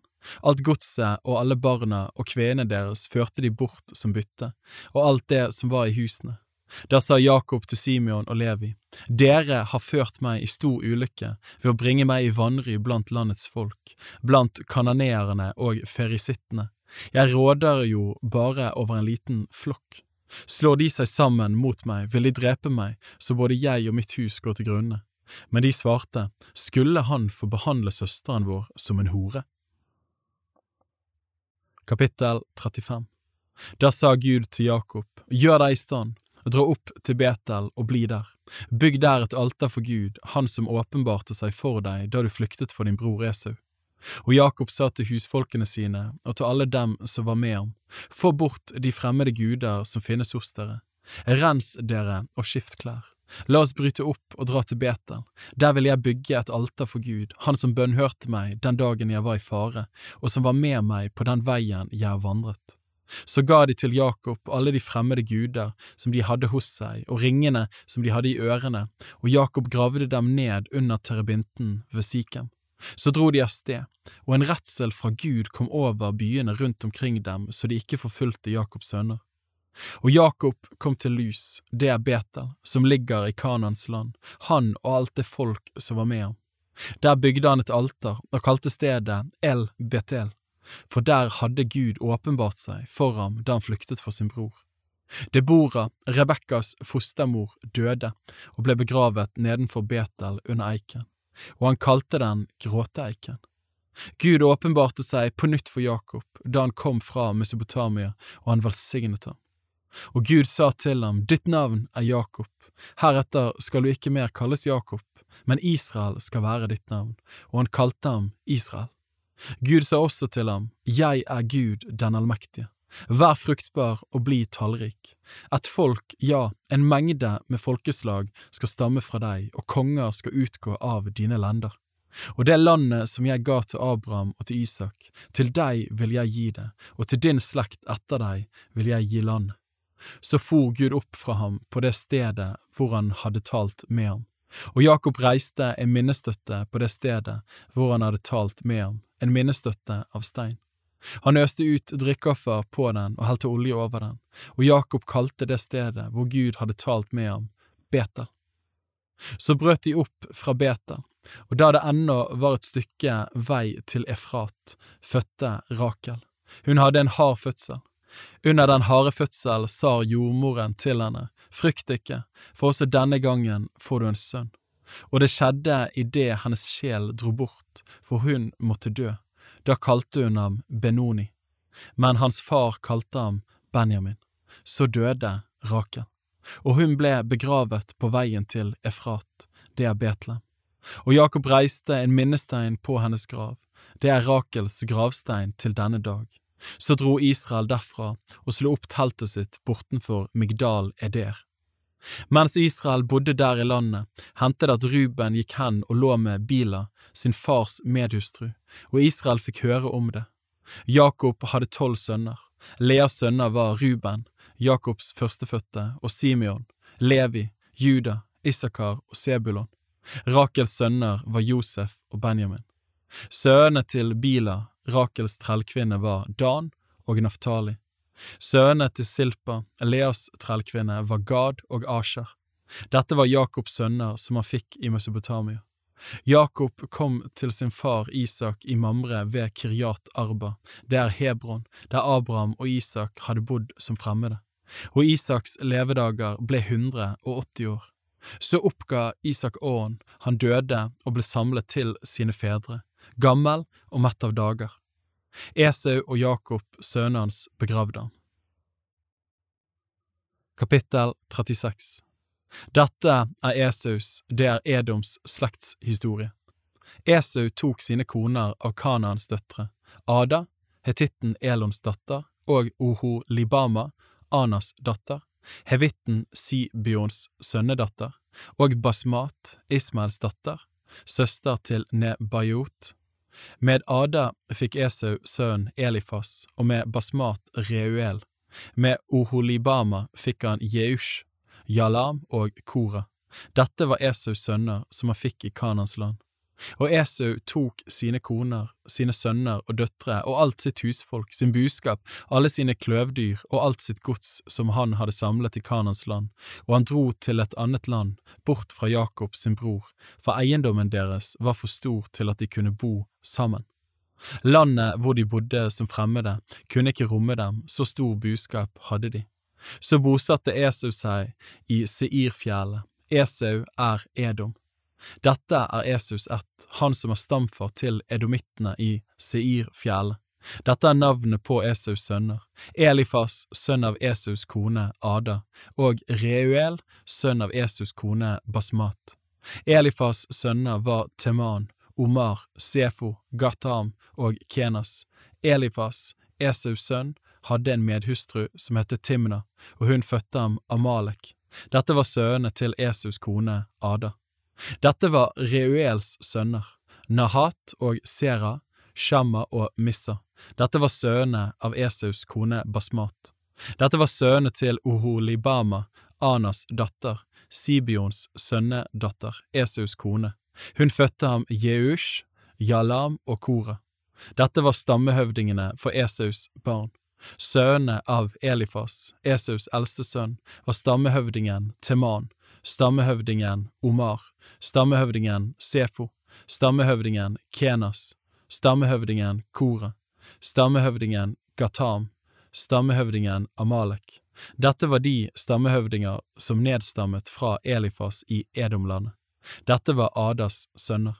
Dette var sønnene til Esaus sønn Reuel, stammehøvdingen Nahat, stammehøvdingen Serah, stammehøvdingen Shamma, stammehøvdingen Missa.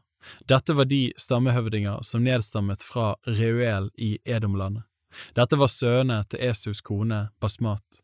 Dette var sønnene til Esus kone Oholibama, stammehøvdingen Jeush, stammehøvdingen Jalam, stammehøvdingen Kora. Dette var de stammehøvdinger som nedstammet fra Oholibama, Anas datter, Esus kone. Dette var Esaus sønner og deres stammehøvdinger. Dette var Edom. Dette var sønnene til Horitten Seir, innbyggerne i landet, Lutan, Shubal, Sibion og Ane, Dishon, Eser og Dishan. Dette var horittenes stammehøvdinger, sønn av Seir i Edomlandet. Lutans sønner var Hori og Hemam, og Lutans søster var Timna. Dette var Shubals sønner, Alvan og Manahat og Ebal, Sefo og Onam. Dette var Sibions sønner. Aya og Ana. Det er den Ana som fant de varme kildene i ørkenen mens han gjette sin far Sibions esler. Dette var Anas barn, Dishon og datteren Oholibama. Dette var Dishons sønner, Hemdan, Eshban, Jitran og Kiran. Dette var Esers sønner, Bilhan, Saavan og Akan. Dette var Dishans sønner, Us og Aran. Dette var horittenes stammehøvdinger. Stammehøvdingen Lutan, stammehøvdingen Shobal, stammehøvdingen Sibion, stammehøvdingen Ana, stammehøvdingen Dishon, stammehøvdingen Eser, stammehøvdingen Dishan. Dette var horittenes stammehøvdinger, deres stammehøvdinger i Seir-landet. Dette var de kongene som regjerte i Edom-landet, før det hersket noen konge over Israels barn. Bela, Beors sønn, var konge i Edom. Navnet på hans by var Din Haba. Da Bela døde, ble Jobab, sønn av Serah fra Bosra, konge i hans sted. Da Jobab døde, ble Husam fra temanittenes land konge i hans sted.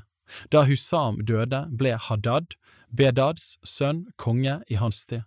Det var han som slo medianittene på Moabs mark. Navnet på hans by var Avit. Da Hadad døde, ble Samla, far, Masreka, konge i hans sted. Da Samla døde, ble Saul fra Rehobot ved elven konge i hans sted. Da Saul døde, ble Baal Hanan, Akbors sønn, konge i hans sted. Da Baal Hanan, Akbors sønn, døde, ble Hadar konge i hans sted. Navnet på hans by var Pau, og hans kone hette Mehetabel. Hun var datter av Matred, Meshabs datter. Dette er navnet på Esaus stammehøvdinger etter deres slekter og bosteder med deres navn. Stammehøvdingen Timna, stammehøvdingen Alva, stammehøvdingen Jetet, stammehøvdingen Oholibama, stammehøvdingen Ela, stammehøvdingen Pinon, stammehøvdingen Kenas, stammehøvdingen Teman, stammehøvdingen Mibsar, stammehøvdingen Magdiel, stammehøvdingen Iram. Dette var Edoms stammehøvdinger etter sine bosteder i det landet de eide. Dette er ætten til Esau, edomittenes stamfar. Kapittel 37 Men Jakob bodde i det landet hvor hans far hadde levd som fremmed i Kanans land. Dette er Jakobs slektshistorie.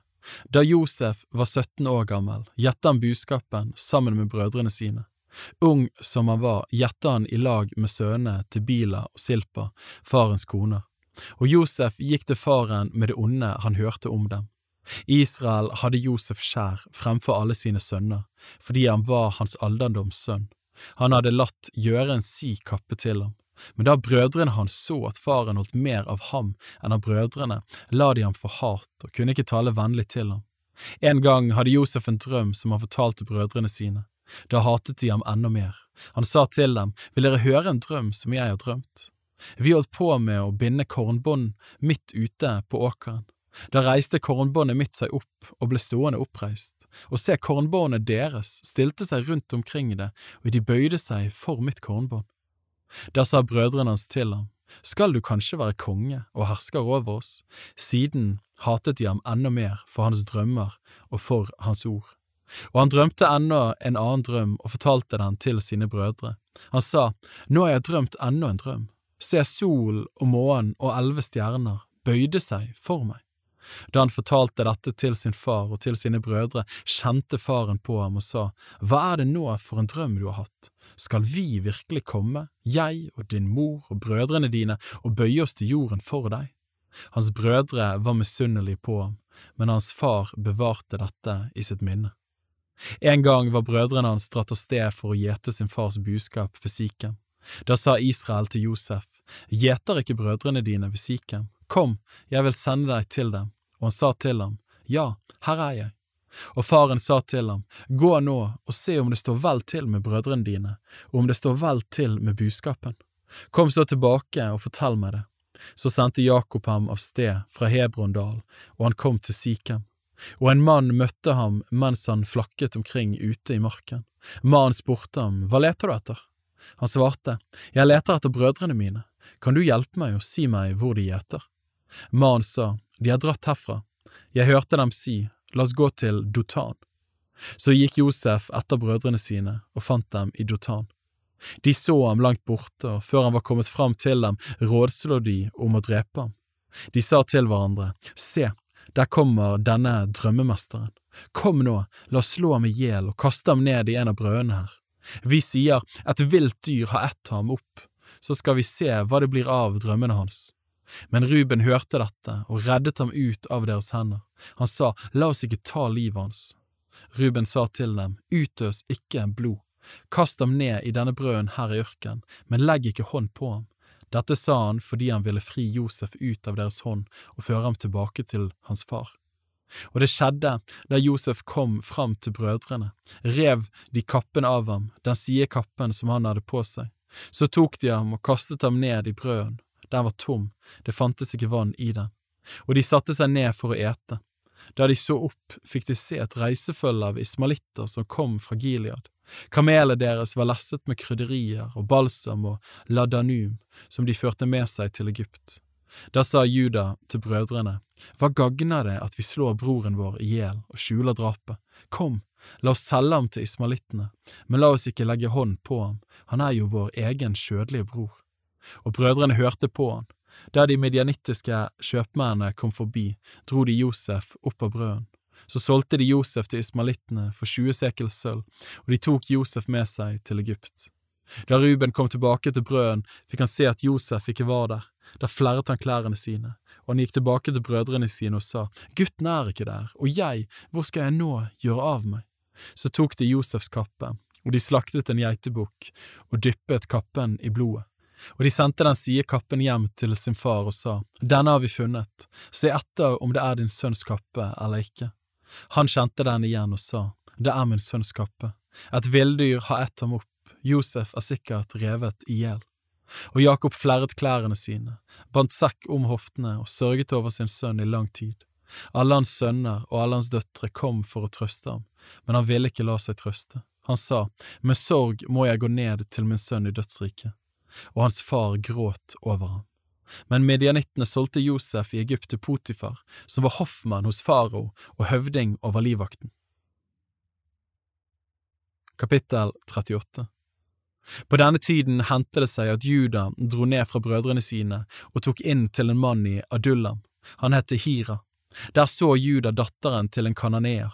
Mannens navn var Shua. Han tok henne til kone og gikk inn til henne. Hun ble med barn og fødte en sønn, og han kalte ham Er. Så ble hun igjen med barn og fødte en sønn, og hun kalte ham Onan. Siden fødte hun ennå en sønn og kalte ham Sjela. Da han ble født, var Juda i Kesib. Juda tok en kone til Er sin førstefødte, og hennes navn var Tamar. Men Er, Judas førstefødte, var ond i Herrens øyne, og Herren lot ham dø. Da sa Juda til Onan, Gå inn til din brors kone og ta henne til ekte i din brors sted, og oppreis din bror avkom. Men Onan visste at barnet ikke skulle være hans, derfor spilte han sæden på jorden når han var sammen med sin brors kone, for han ville ikke gi sin bror barn. Men det han gjorde, var ondt i Herrens øyne, så han lot også ham dø. Da sa Juda til Tamar, sin svigerdatter, Bo som enke i din fars hus til sjela min sønn er blitt voksen. For han tenkte, ellers kommer også han til å dø, som hans to brødre. Så dro Tamar hjem og bodde i sin fars hus. Da nå en lengre tid var gått, døde Sjuas datter, Judas kone. Etter at sørgetiden var over, gikk Juda opp til saueklipperne sine i Timna, og hans venn Hira fra Adullam var med ham. Da ble det fortalt Tamar at hennes svigerfar var på vei opp til Timna til saueklippingen. Da la hun av seg enkeklærne sine og tildekket seg med et slør som hun hyllet seg inn i. Så satte hun seg ved inngangen til Enajim, på veien til Timna, for hun så at sjela var blitt voksen, og hun var likevel ikke blitt gitt ham til kone. Da Judas så henne, tenkte han at det var en horkvinne, for hun hadde tilslått ansiktet sitt. Så bøyde han av fra veien og gikk bort til henne og sa, Kom, la meg gå inn til deg, for han visste ikke at det var hans svigerdatter. Og hun sa, Hva vil du gi meg for at du får komme inn til meg? Han sa, Jeg vil sende deg et skje av buskapen min. Da sa hun, Ja, hvis du vil gi meg et pant til du sender meg det. Han sa, Hva skal jeg gi deg til pant? Hun svarte, Ditt signet og din snor og staven som du har i hånden. Dette ga han henne og gikk så inn til henne, og hun ble med barn ved ham. Så sto hun opp og gikk sin vei. Hun la sløret av seg og tok på seg enkeklærne sine. Juda sendte skjeet med vennen sin fra Adullam for å få pantet tilbake av kvinnen, men han fant henne ikke. Han spurte stedets menn og sa, Hvor er tempelhoren, hun som satt ved veien i Enajim? Men de sa, Det har ikke vært noen tempelhore her. Så kom han tilbake til Juda og sa, Jeg fant henne ikke, og mennene der på stedet sa ennå, Det har ikke vært noen tempelhore her. Da sa Juda, La henne bare beholde det, så vi ikke blir til latter for denne saken. Se, skje har jeg jo sendt henne, men du fant henne ikke. Omkring tre måneder senere kom det folk og sa til Juda, Tamer, svigerdatteren din, har drevet hor, og nå er hun også blitt med barn i hor. Juda sa, Før henne ut, hun skal brennes. Men da hun ble ført ut, sendte hun bud til svigerfaren sin og lot si, Det er ved den mannen som eier disse tingene jeg er blitt med barn. Og hun sa, Se etter hvem som eier dette signetet og disse snorene og denne staven. Juda kjente dem igjen og sa, Hun har retten på sin side, ikke jeg, for jeg har ikke gitt henne min sønn sjela. Siden hadde han ikke omgang med henne. Og det skjedde da den tid kom at hun skulle føde, da var det tvillinger i hennes liv. Idet hun fødte, stakk den ene hånden fram. Jordmoren bandt da en rød tråd om hans hånd og sa, Denne kom først fram. Men så dro han hånden tilbake, og se, da kom hans bror fram, og hun sa, Hvor du har brutt deg fram, og de ga ham navnet Peres. Så kom hans bror fram, han som hadde den røde tråden om hånden, ham kalte de Sera. Kapittel 39 Josef ble ført ned til Egypt, og Potifar, en egypter som var hoffmann hos farao og høvding over livvakten, kjøpte ham av ismalittene som hadde tatt ham med seg dit. Og Herren var med Josef, så alt lyktes for ham.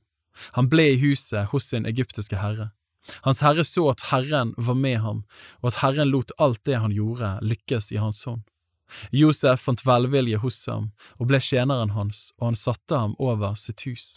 Alt det han hadde, ga han i hans hånd.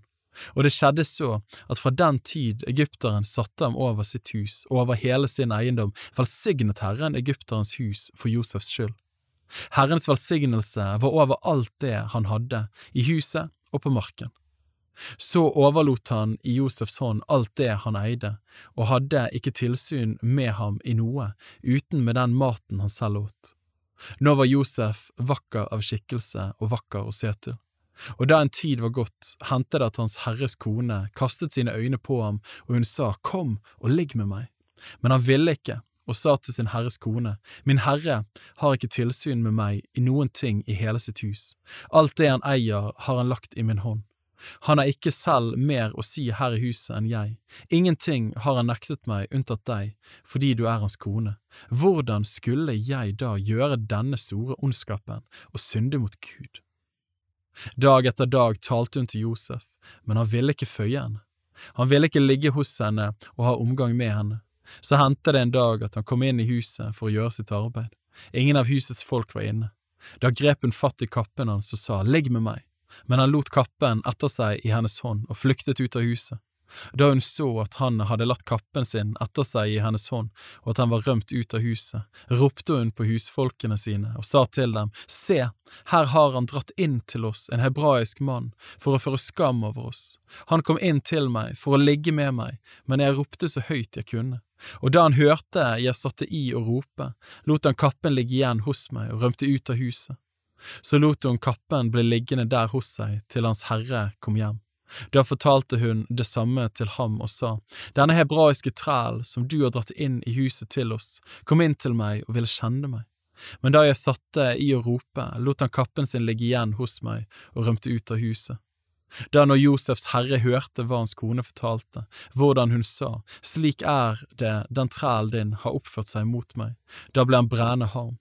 Han tok Josef og satte ham i fengselet, der hvor kongens fanger satt lenket, og han ble sittende der i fengselet. Men Herren var med Josef og lot ham vinne velvilje, og den øverste fangevokteren i fengselet fikk godhet for ham. Han overlot til Josef tilsynet med alle fangene i fengselet, så han var ansvarlig for alt som skulle gjøres. Fangevokteren hadde ikke selv tilsyn med noe av det som var overlatt i Josefs hånd, for Herren var med ham, og alt det han gjorde, lot Herren lykkes for ham. Kapittel 40 Så skjedde det etter en tid at munnskjenken og bakeren hos kongen i Egypt forbrøt seg mot sin herre, mot egypterkongen. Og farao ble harm på sine to hoffmenn, den øverste munnskjenken og den øverste bakeren. Han satte dem i forvaring hos høvdingen over livvakten, i fengselet hvor Josef var fange. Høvdingen over livvakten satte Josef til å ha tilsyn med dem, og han gikk dem til hånde. De ble sittende en tid i fengselet. Så drømte de begge to samme natt en drøm der de satt i varetekt i fengselet, munnskjenken og bakeren hos kongen i Egypt. De hadde hver sin drøm med hver sin mening. Da Josef kom inn til dem om morgenen, så han at de var nedtrykt. Han spurte da faraos hoffmenn, som satt i forvaring sammen med ham i hans herres hus, hvorfor ser dere så nedtrykte ut i dag? De svarte ham, vi har drømt, men det er ingen som kan tyde det. Da sa Josef til dem, å tyde drømmer, er ikke det Guds sak? Fortell meg hva dere har drømt. Den øverste munnskjenken fortalte så drømmen sin til Josef. Han sa til ham, Jeg drømte at jeg så et vintre fremfor meg. På vintreet var det tre greiner. De begynte å skyte knopper, og blomstene sprang ut, og klasene modnet til druer. Jeg holdt faros beger i hånden, og jeg tok druene og presset dem ut i faros beger. Så ga jeg begeret i faros hånd. Josef sa da til ham, Dette er tydningen. De tre greiene er tre dager. Om tre dager skal farao opphøye deg og innsette deg igjen i din stilling. Du skal rekke farao begeret slik du gjorde før, da du var munnskjenken hans. Bare du nå ville ha meg i tankene når det går deg vel. Jeg ber deg, vis godhet mot meg, så du taler om meg til farao og får meg ut av dette huset. For jeg er stjålet bort fra hebreernes land, og heller ikke her har jeg gjort noe som de kunne kaste meg i fengsel for. Da den øverste bakeren så at Josef hadde gitt så god en tydning, sa han til ham, også jeg hadde en drøm. Jeg syntes jeg bar tre kurver med hvetebrød på hodet. I den øverste kurven var det all slags bakverk for faro, men fuglene åt det av kurven på hodet mitt. Josef svarte og sa, Dette er tydningen, de tre kurvene er tre dager. Om tre dager skal farao opphøye deg, han skal henge deg på et tre, og fuglene skal ete kjøttet av deg. Og det skjedde på den tredje dagen, det var faros fødselsdag, at han gjorde en fest for alle tjenerne sine. Da opphøyet han den øverste munnskjenken og den øverste bakeren blant tjenerne sine. Han innsatte den øverste munnskjenken igjen til å skjenke vin, og han ga ham begeret i faros hånd, og den øverste bakeren lot han henge slik Josef hadde tydet drømmene for dem. Men den øverste munnskjenken tenkte ikke på Josef, han glemte ham. Kapittel 41 Nå skjedde det, etter to fulle år, at farao drømte at han sto ved Nilen, og se, opp av elven steg det sju kyr, vakre å se til og i godt hold, og de ga seg til å beite i elvegresset. Etter dem steg det opp av elven sju andre kyr, stygge å se til og magre. De ble stående ved siden av de andre kyrne på elvebredden, og de stygge, magre kyrne åt opp de sju fine og fete. Da våknet farao, så sovnet han igjen og drømte en gang til, og se, sju kornaks, frodige og gode, vokste opp på ett strå, og etter dem skjøt opp sju aks, tynne og svidd av østerveden og de tynne aksene slukte de sju frodige, fulle aksene. Da våknet farao og skjønte at det var en drøm, men om morgenen kjente han slik uro i sin ånd. Han sendte bud og lot kalle til seg alle Egypts spåmenn og vismenn, og farao fortalte dem drømmene sine, men ingen kunne tyde dem for ham. Da tok den øverste munnskjenken til orde og sa til farao, Jeg må i dag minne om mine synder. Farao ble en gang vred på sine tjenere og satte meg fast hos høvdingen over livvakten, meg og den øverste bakeren. Da drømte vi den samme natten hver vår drøm, jeg og han, og drømmene våre hadde hver sin tydning. Det var sammen med oss en hebraisk gutt, han var tjener hos høvdingen over livvakten. Til ham fortalte vi drømmene våre, og han tydet dem for oss, alt etter som hver av oss hadde drømt, slik tydet han dem og som han hadde tydet for oss, slik gikk det. Farao innsatte meg i mitt embete igjen, men bakeren hengte han. Da sendte farao bud etter Josef og kalte ham til seg. De førte ham skyndsomt ut av fengselet. Han raket seg og skiftet klær, og så trådte han fram for farao. Farao sa til Josef, Jeg har hatt en drøm, og det er ingen som kan tyde den, men jeg har hørt si om deg at bare du hører en drøm, kan du tyde den. Josef svarte farao og sa, Det står ikke til meg, Gud skal gi et svar som spår lykke for farao. Da sa farao til Josef, Jeg drømte at jeg sto på elvebredden, og se, opp av elven steg det sju kyr, fete og fine å se til, og de ga seg til å beite i elvegresset. Etter dem steg det opp sju andre kyr, tynne og utmagret og svært stygge å se til. Så stygge kyr har jeg aldri sett i hele landet Egypt. De magre, stygge kyrne åt opp de sju første fete kyrne, og da de hadde satt dem til livs, kunne det ikke merkes på dem. De var like stygge å se til som før. Da våknet jeg. Så drømte jeg igjen å se sju kornaks, fulle og gode, vokste opp på ett strå. Etter dem skjøt det opp sju aks som var tørre og tynne og svidd av østavinden, og de tynne aksene slukte de sju gode aksene. Dette fortalte jeg til spåmennene, men det var ingen som kunne forklare det for meg. Da sa Josef til farao, faraos drøm er én og den samme. Det Gud er i ferd med å gjøre, har han latt farao få vite. De sju gode kyrne er sju år, og de sju gode aksene er sju år. Det er én og samme drøm. De sju magre, stygge kyrne som steg opp etter dem, er sju år, og de sju tomme aksene som var svidd av østavinden, er sju år med hungersnød som skal komme. Dette er det jeg har sagt til farao. Gud har latt farao se det han er i ferd med å gjøre. Se, det kommer sju år med stor overflod i hele landet Egypt, men etter dem kommer det sju år med hungersnød, så all denne overfloden skal bli glemt i landet Egypt, og sulten skal arme ut landet. Ingen skal minnes den overfloden som var i landet på grunn av hungersdøden som følger etter, for den vil bli svært hard. Og når drømmen kom to ganger til farao, betyr det at saken er fast besluttet av Gud, og at Gud vil gjøre det snart. Nå skulle farao se seg ut en forstandig og vis mann og sette ham over hele landet Egypt. Det skulle farao gjøre og så skulle han sette oppsynsmenn over landet og ta inn en femtedel av grøden i landet Egypt i de sju overflodsårene. De skal samle inn all grøden i disse gode årene som kommer, og la dem dynge opp korn under faraos hånd. La dem lagre det i byene til føde og ta vare på det der.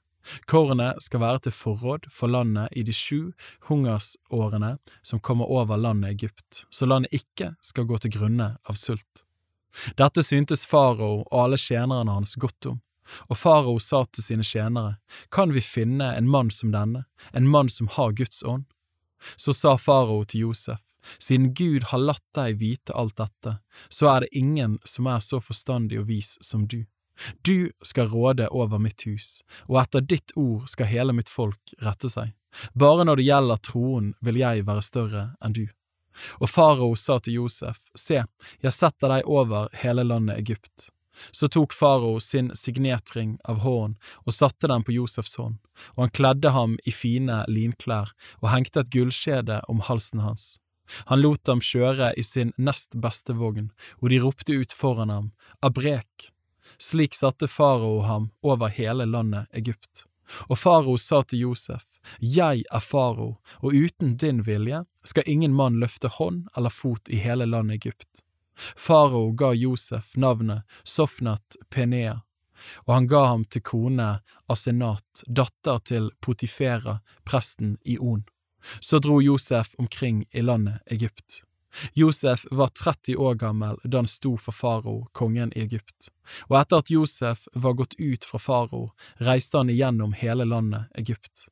Landet bugnet av grøde i de sju overflodsårene, og han samlet inn all slags grøde i disse sju gode årene som kom i landet Egypt, og la den opp i byene.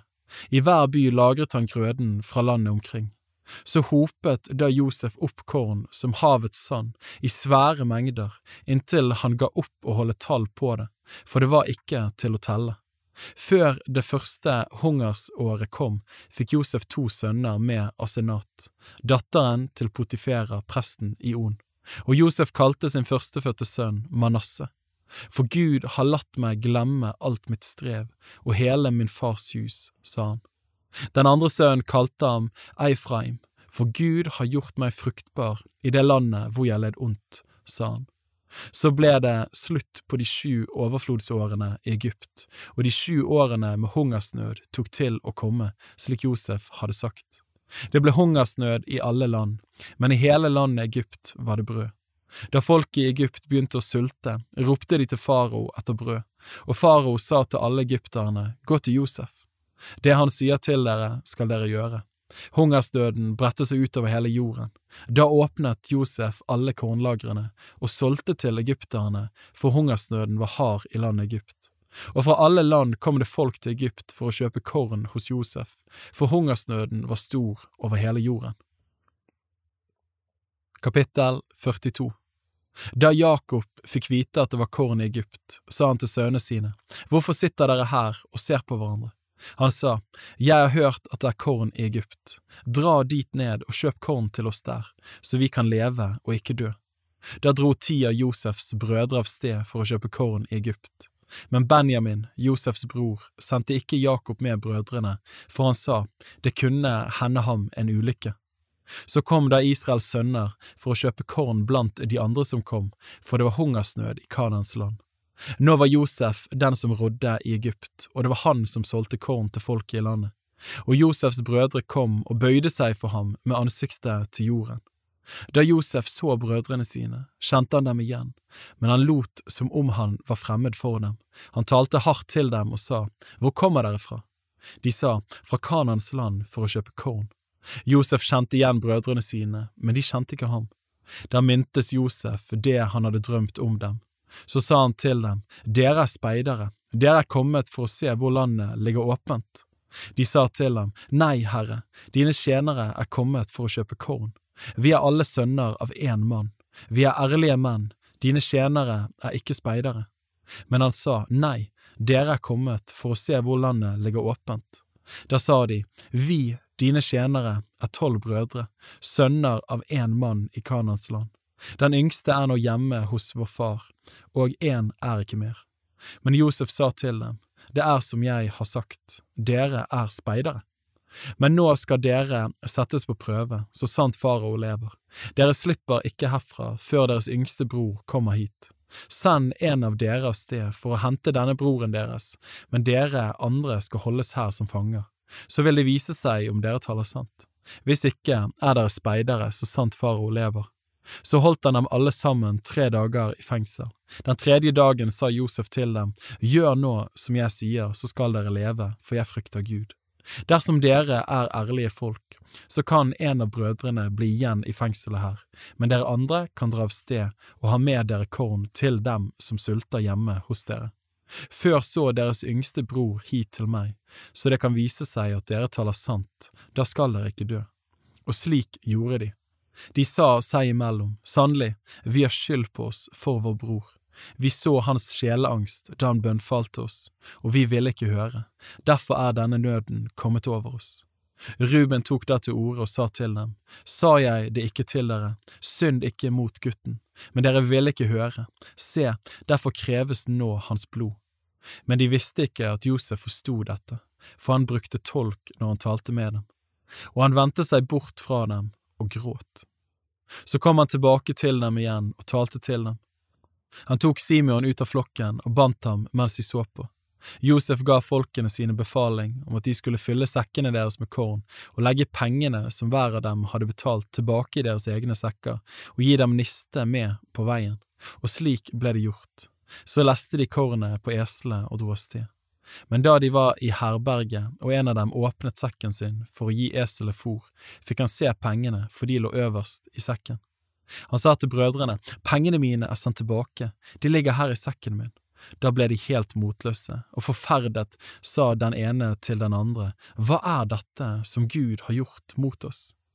Så kom de hjem til sin far Jakob i Kanans land. De fortalte ham alt det som hadde hendt dem, og sa, Mannen som er herre der i landet, talte hardt til oss og tok oss for folk som ville utspeide landet. Da sa vi til ham, Vi er ærlige folk, vi er ikke speidere, vi er tolv brødre, sønner av samme far, en av oss er ikke mer, og den yngste er hjemme hos vår far i Kanans land. Da sa mannen, landets herre til oss, Av dette vil jeg forstå om dere er ærlige folk. La en av dere bli tilbake her hos meg Ta så med det dere trenger mot hungersnøden hjemme, og dra av sted. Kom så hit til meg med deres yngste bror, så jeg kan vite at dere ikke er speidere, men ærlige folk.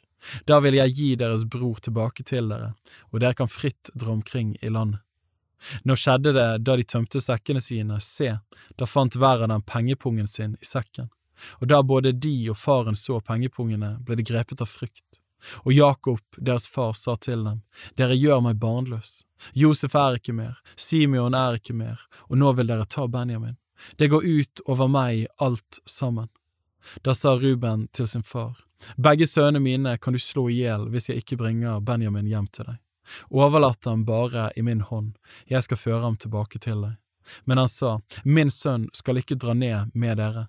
Hans bror er død, og han er alene tilbake. Skulle det ramme ham en ulykke på den ferden dere skal gjøre, så ville dere sende mine grå hår med sorg ned i dødsriket.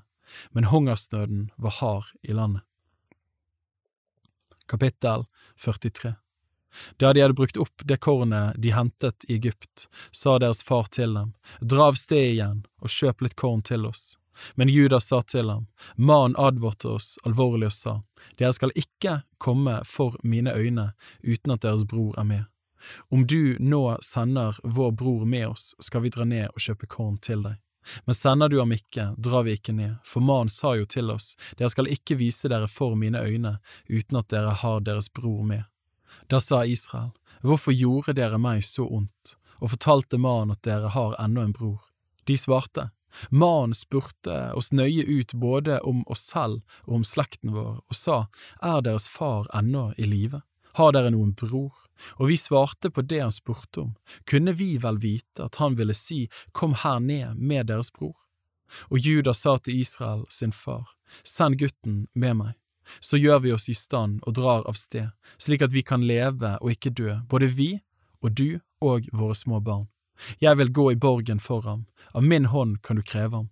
Dersom jeg ikke har ham med tilbake og stiller ham fram for deg, da vil jeg bære skyld for deg alle mine dager. Hadde vi ikke drygd så lenge, kunne vi nå to ganger vært tilbake her. Da sa Israel, deres far, til dem, skal det nå så være, så gjør som jeg sier. Ta med i sekkene noe av det beste landet eier, og bring det som en gave til mannen, litt balsam og litt honning, krydderier, ladanum, pistasienøtter og mandler, og ta dobbelt så mange penger med dere. De pengene som kom igjen, som ble øverst i sekkene deres, må dere ta med tilbake. Kanskje var det en feiltagelse. Ta så deres bror med, gjør dere klar og dra tilbake til mannen. Måtte Gud den allmektige la dere finne barmhjertighet hos mannen, så han lar deres andre bror og Benjamin dra hjem igjen med dere. Og jeg, skal jeg være barnløs, så får jeg være barnløs. Så tok mennene med seg denne gaven og dobbelt så mange penger og Benjamin. De brøt opp og dro ned til Egypt, og så trådte de fram for Josef. Da Josef så Benjamin sammen med dem, sa han til husholderen sin, før disse mennene inn i huset, slakt og gjør i stand måltid, for de skal ete middag hos meg. Mannen gjorde som Josef sa, og førte dem inn i Josefs hus. Men de ble redde da de ble ført inn i Josefs hus, og de sa, det er vel på grunn av de pengene som forrige gang kom tilbake i sekkene våre at vi ble ført inn her. Nå vil han nok velte seg inn på oss, kaste seg over oss og gjøre oss til treller og ta eslene våre. De gikk derfor til mannen som foresto Josefs hus, og talte til ham ved inngangen til huset. De sa, Herre, vi kom hit ned forrige gang for å kjøpe korn, men da vi kom til herberget og åpnet sekkene våre, se, der lå hver manns penger øverst i sekken. Det var våre egne penger i full vekt, nå har vi dem med oss hit igjen, vi har også tatt med andre penger til å kjøpe korn for. Vi vet ikke hvem som har lagt pengene i sekkene våre. Da sa han, Fred med dere, frykt ikke, deres Gud og deres fars Gud har gitt dere en skatt i sekkene, jeg har fått pengene deres. Så førte han Simeon ut til dem. Og mannen førte dem inn i Josefs hus. Han ga dem vann, og de vasket føttene, og han ga fôr til eslene. Så la de gavene til rette mens de ventet på at Josef skulle komme hjem midt på dagen, for de hadde hørt at de skulle ete der. Da Josef kom inn i huset, bar de inn til ham gaven som de hadde med seg, og de bøyde seg til jorden for ham. Men han spurte dem om det gikk dem vel, og sa, Står det vel til med deres gamle far, som dere talte om, er han ennå i live? De svarte, Ja, det står vel til med din tjener, vår far, han er ennå i live. Og de bøyde seg og kastet seg ned for ham.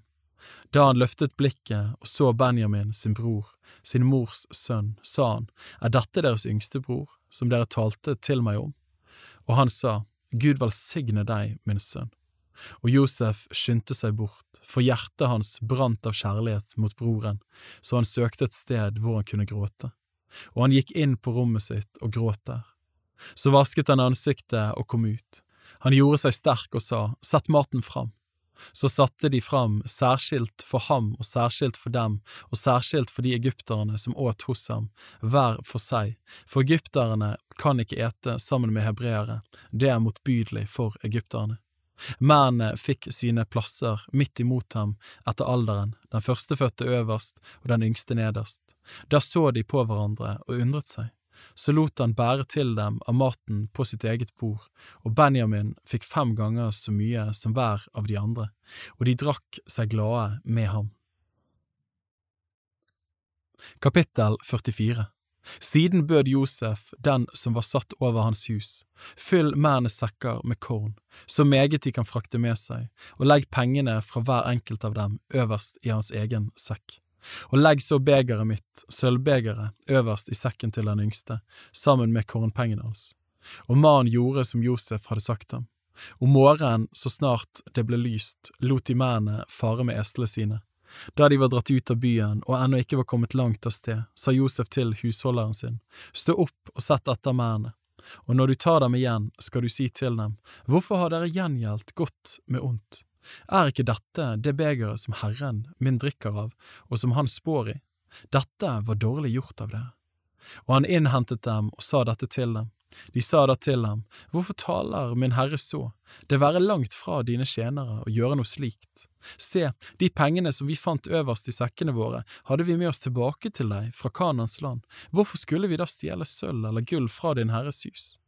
Den av tjenerne dine som det blir funnet hos, han skal dø, og vi andre skal være min herres treller.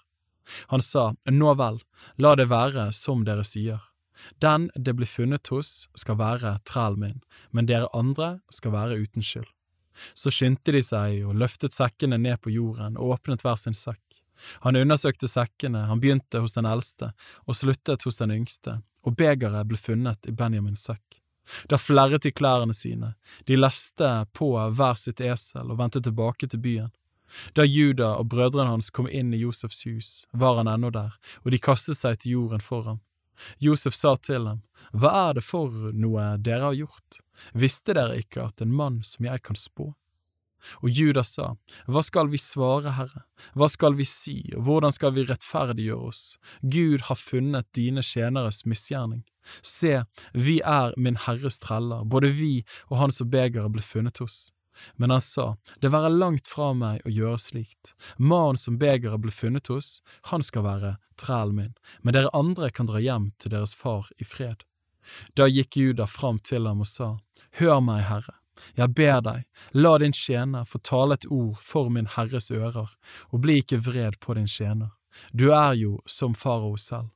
Min Herre spurte sine tjenere, Har dere far eller en bror?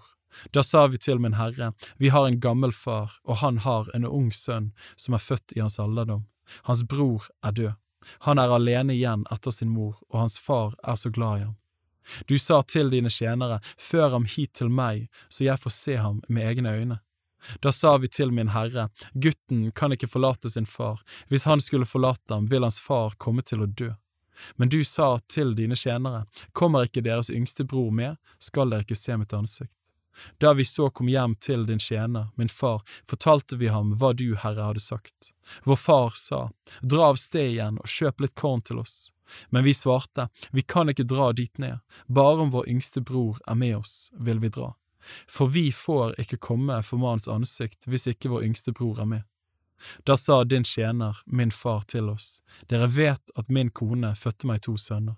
Den ene gikk bort, og jeg sa, Han er sikkert revet i hjel og jeg har ikke sett ham siden.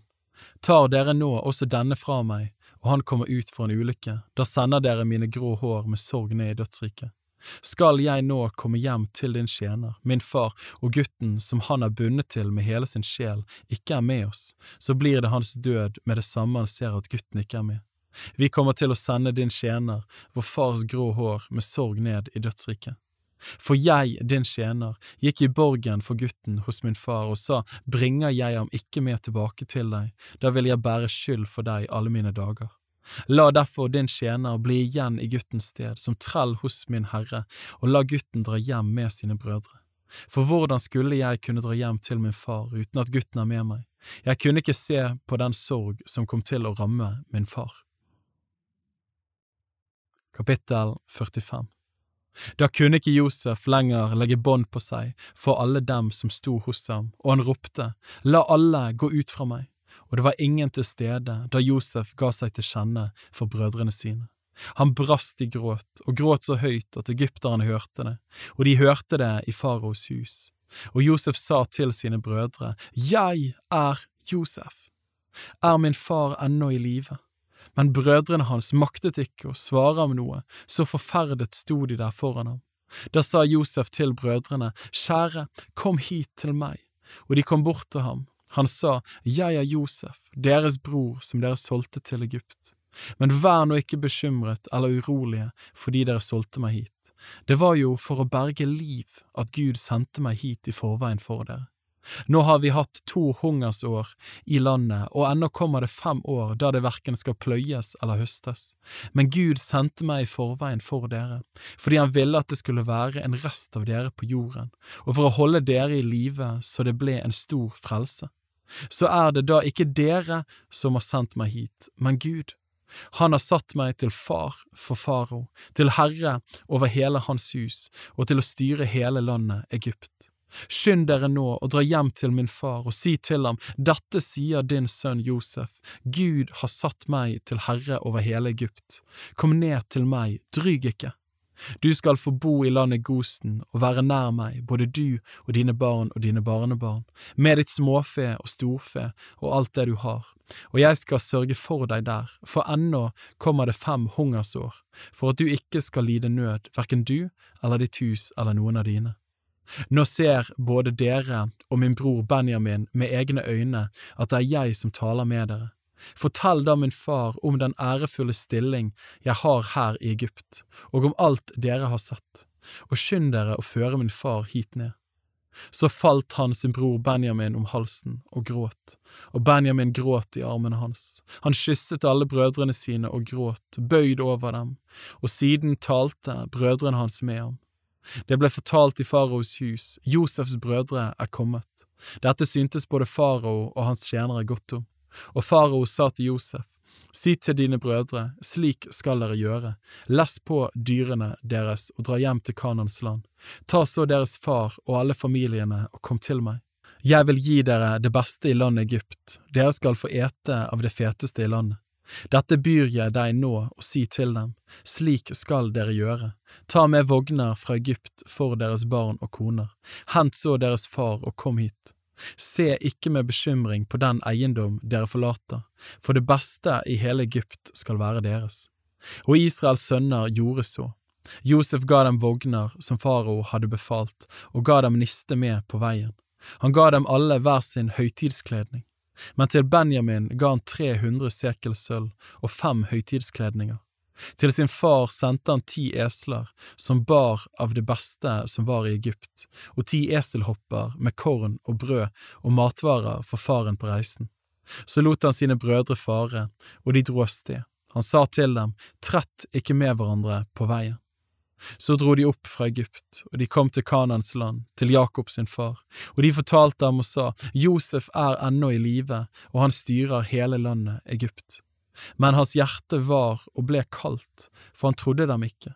Men så fortalte de ham alt det Josef hadde sagt dem, og han så vognene som Josef hadde sendt til å hente ham i, og deres far Jakobs ånd ble opplivet. Og Israel sa, Det er nok, Josef, min sønn, lever ennå jeg vil dra av sted og se ham før jeg dør. Kapittel 46 Så brøt Israel opp med alt det han hadde. Da han kom til Bersheba, ofret han slaktoffer til sin far Isaks Gud. Da sa Gud til Israel i et syn om natten, Jakob, Jakob, og han svarte, Ja, her er jeg.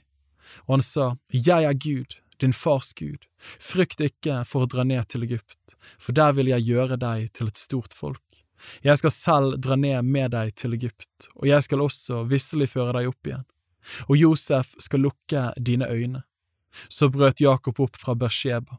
Israels sønner kjørte Jakob, sin far, og sine barn og sine koner i de vognene som farao hadde sendt for å hente ham. De tok også med seg buskapen sin og det gods som de hadde samlet seg i Kanans land. Så kom de til Egypt, Jakob og hele hans ett med ham, sine sønner og sine sønnesønner, sine døtre og sine sønnedøtre, hele sin ett førte han med seg til Egypt. Dette er navnet på Israels barn som kom til Egypt, Jakob og hans sønner. Jakobs førstefødte sønn, Ruben, og Rubens sønner Hanuk, Palu, Hezron og Karmi. Simeons sønner, Jemuel, Jamin, Ohad, Yakin og Sohar, og sønnen Saul, som han hadde fått med en kanonerkvinne. Levis sønner, Gershon, Kahat og Merari. Judas sønner, Er, Onan, Sjela, Peres og Sera, men Er og Onan døde i Kanans land. Peres sønner var Hezron og Hamul. Isakars sønner Tola, Puva, Jobb og Shimron. Sebulons sønner Sered, Elon og Ja-Halel. Disse var Leas sønner som hun fødte Jakob i Mesopotamia, dessuten Dina, hans datter, i alt 33 sjeler, sønner og døtre. Gads sønner, Sifjon, Hagi, Shuni, Esbon, Eri, Arodi og Areli. Ashers sønner, Jimna, Jishva, Jishvi og Bria, og så deres søster, Sera. Brias sønner var Heber og Malkiel. Disse var barn av Silpa, som Laban ga til sin datter Lea. Hun fødte Jakob disse barna, 16 sjeler. Jakobs kone Rakel hadde sønnene Josef og Benjamin. Josef fikk barn i landet Egypt med Asenat, datter til Potifera, presten i On, Manasseh og Eifreim. Benjamins sønner, Bela, Beker, Ashbel, Gera, Naaman, Ehi og Ros, Muppim, Hubbim og Ard. Disse var Rakels barn som ble født Jakob, i alt 14 sjeler. Dans sønn var Husim. Naftalis sønner, ja, Hasel, Guni, Jeser og Shilem. Disse var sønnene til Bila, som Laban ga sin datter Rakel. Hun fødte Jakob disse barna, i alt sju sjeler. Alle disse som kom med Jakob til Egypt, som var ettlingene hans utenom Jakobs svigerdøtre, var 66 sjeler. Og Josefs sønner som han fikk i Egypt, var to. Alle av Jakobs hus som kom til Egypt, var 70 sjeler. Han sendte Juda i forveien til Josef og ba at han skulle vise ham veien til Gosen. Så kom de til landet Gosen, og Josef lot spenne for sin vogn og dro til Gosen for å møte Israel sin far. Da han fikk se ham, falt han ham om halsen og gråt lenge i hans armer.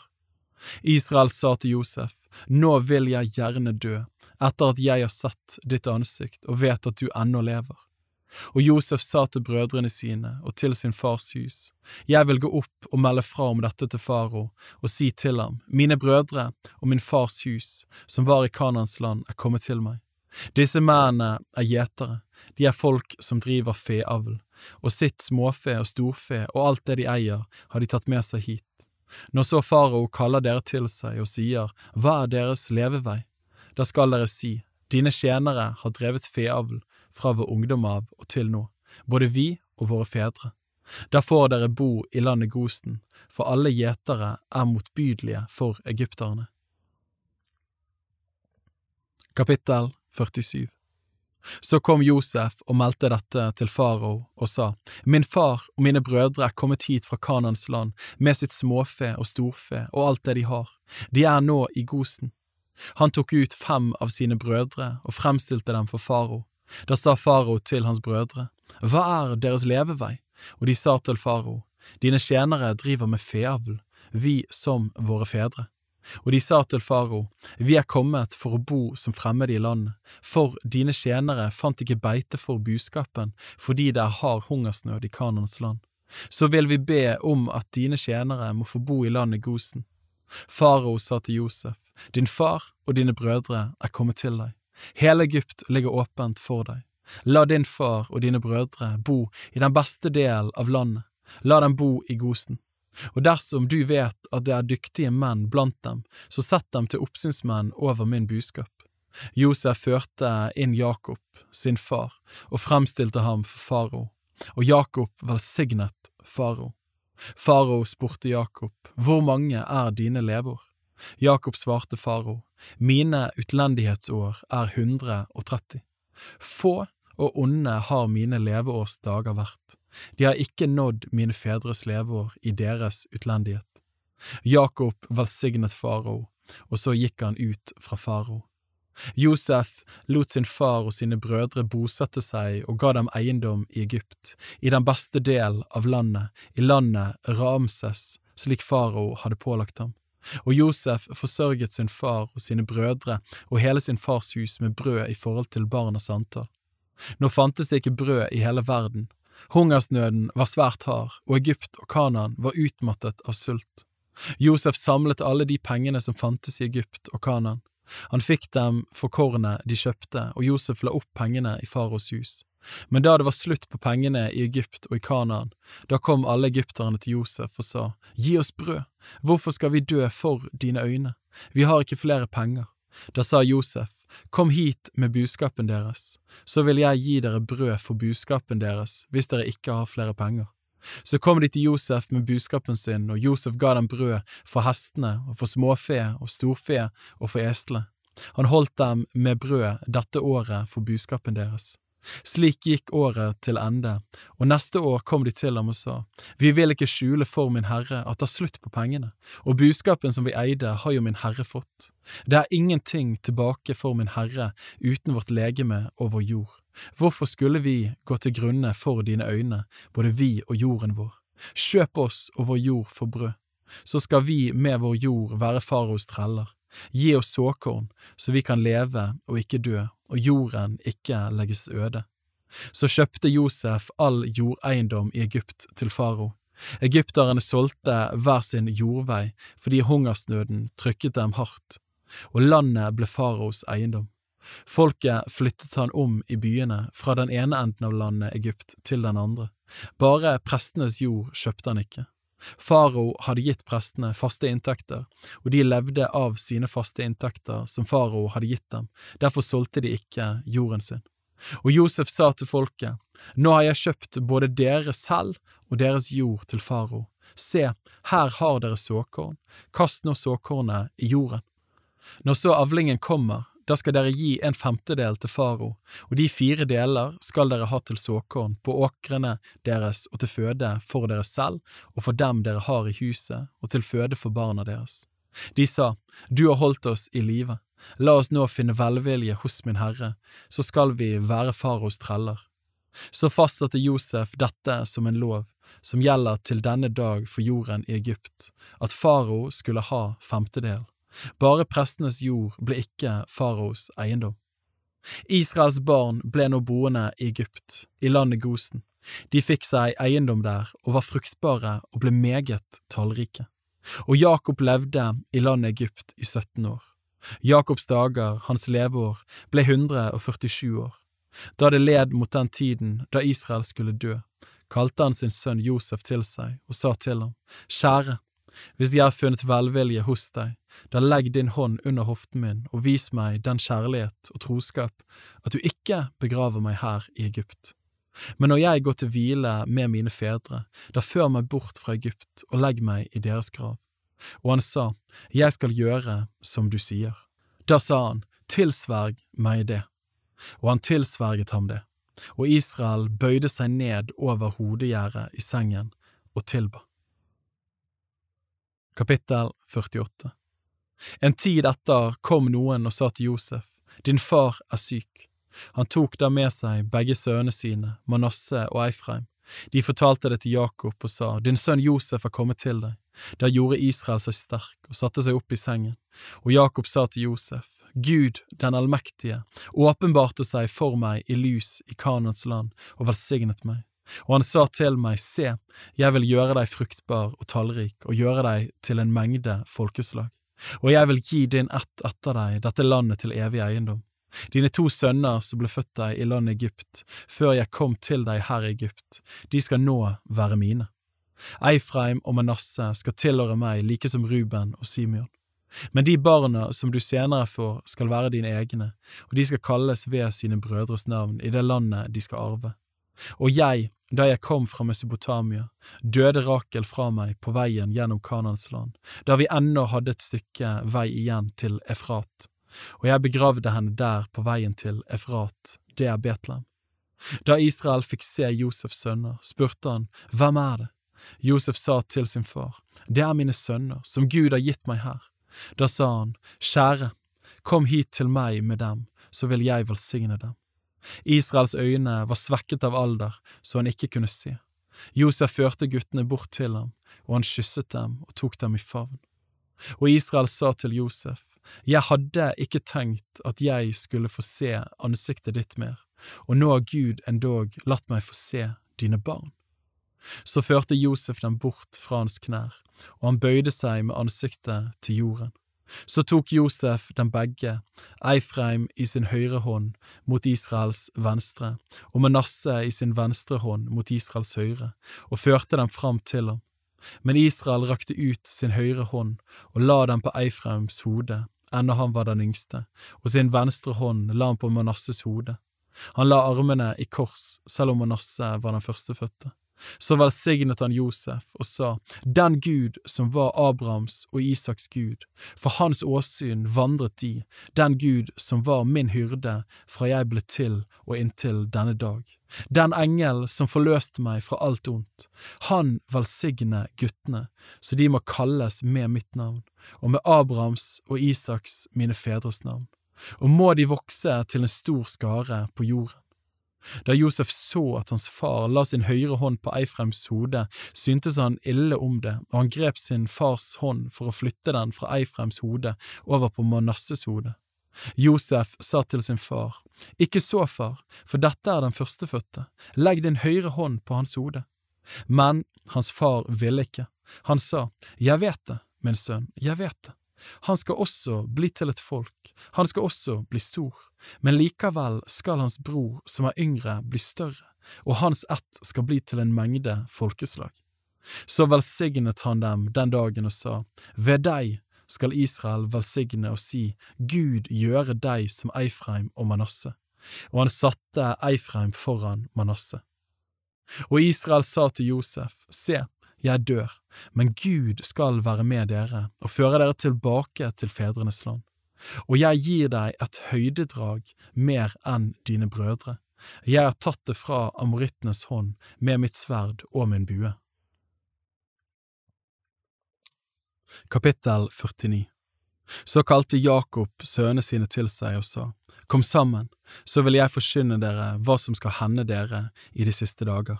Kom sammen og hør, Jakobs sønner, hør på Israel, deres far. Ruben, min førstefødte er du, min kraft og min styrkes første frukt, høyest i ære og størst i makt. Du bruser over som vannet. Du skal intet fortrinn ha, for du steg opp på din fars leie. Da vanhelliget du det, i min seng steg han opp. Simeon og Levi er brødre, voldsvåpen er deres sverd. Møt ikke i deres hemmelige råd, min sjel. Ta ikke del i deres sammenkomster, min ære. For i sin vrede slo de menn i hjel, og i sin selvrådighet skamskar de okser. Forbannet være deres vrede, for den var vill, deres sinne, for det var grusomt. Jeg vil fordele dem i Jakob og spre dem i Israel. Juda, dine brødre skal prise deg, din hånd skal være på dine fienders nakke. For deg skal din fars sønner bøye seg. En ung løve er Juda. Fra rov er du steget opp, min sønn. Han bøyde seg, han legger seg ned som en løve, som en løvinne, hvem tør vekke ham? Kongespir skal ikke vike fra Juda, ikke herskerstav fra hans føtter, inntil fredsfyrsten kommer og folkene blir ham lydige. Han binder til vintreet sitt unge esel, til den edle ranken sin eselhoppes fole. I vin vasker han sin klesdrakt og i druers blod sin kappe. Dunkle er hans øyne av vin, og hvite er hans tenner av melk. Sebulon, ved havets strand skal han bo, ved stranden hvor skipene lander. Hans grense strekker seg mot Sidon. Issakar er et sterkbygd esel som legger seg ned mellom innhegningene. Han så at hvilen var god og at landet var fagert. Da bøyde han sin rygg for å bære og ble en arbeidspliktig trell. Dan skal dømme sitt folk, han som de andre Israels stammer. Dan skal være en slange på veien, en giftig orm på stien, som biter hesten i hele så rytteren faller bakover. Etter din frelse bier jeg, Herre. Gad, en fiendeflokk hugger seg inn på ham, men han hugger dem i hele. Asher, hans brød skal bli rikelig, kongelige retter har han å gi. Naftali er en hind som er sluppet fri, fagre er hans ord. Et skudd av et fruktbart tre er Josef, et ungt frukttre ved kilden, greiene skyter over muren. De egger ham og skyter på ham, de forfølger ham, bueskytterne. Men fast og sterk er hans bue, hans hender og armer er raske, styrket ved hans hender som er Jakobs veldige, av ham som er hyrden Israels klippe. Din fars Gud, han skal hjelpe deg, den allmektige skal velsigne deg med velsignelser fra himmelen der oppe, med velsignelser fra dypet der nede, med velsignelser av bryst og morsliv. Din fars velsignelser stiger høyt opp over mine forfedres velsignelser. De når opp til de evige høyders grense. De skal komme over Josefs hode, på kronen av hans hode, han som er fyrste blant sine brødre. Benjamin er en glupende ulv, om morgenen eter han opp rov, om kvelden deler han ut hærfang. Alle disse er Israels stammer, tolv i tallet. Slik var det deres far talte til dem, han velsignet dem, hver av dem velsignet han med den velsignelse som tilkom ham. Så bød han dem og sa, Jeg samles nå til mitt folk, Begrav meg hos fedrene mine i hulen på hetitten Efrons mark, i hulen på Makpelamarken, like overfor Mamre i Kanans land, den marken som Abraham kjøpte av hetitten Efron til eiendomsgravsted. Der begravde de Abraham og Sara, hans hustru, der begravde de Isak og Rebekka, hans hustru, og der begravde jeg Lea, på den marken og i den hulen som er der, som ble kjøpt av Hets barn.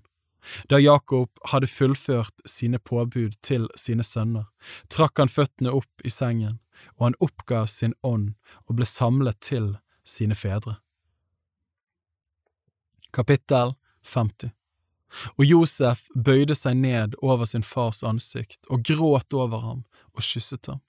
Josef bød legene som han hadde i sin tjeneste, å balsamere hans far, og legene balsamerte Israel.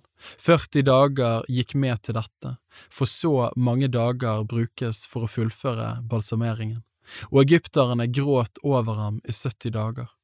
Da sørgedagene over ham var til ende, talte Josef til faros husfolk og sa, Hvis jeg har funnet nåde for deres øyne, så tal for meg til faro og si, Min far tok meg i ed og sa, Se, jeg skal dø, og da skal du begrave meg i min grav i Kanans land, som jeg lot grave for meg. La meg derfor få dra opp og begrave min far og så vende tilbake. Og farao sa, Dra opp og begrave din far i samsvar med den ed han tok av deg. Så dro Josef opp for å begrave sin far, og alle faraos tjenere, de eldste i hans hus og alle de eldste i landet Egypt dro opp med ham, og hele Josefs hus og hans brødre og hans fars hus. Bare sine små barn og sitt småfe og sitt storfe lot de bli tilbake i landet Gosen. Både vogner og hestfolk dro opp med ham, så det var et meget stort tog. Da de kom til Goren, Haatad, på andre siden av Jordan, holdt de der en meget stor og høytidelig sørgefest. Han holdt sju dagers sorg for sin far.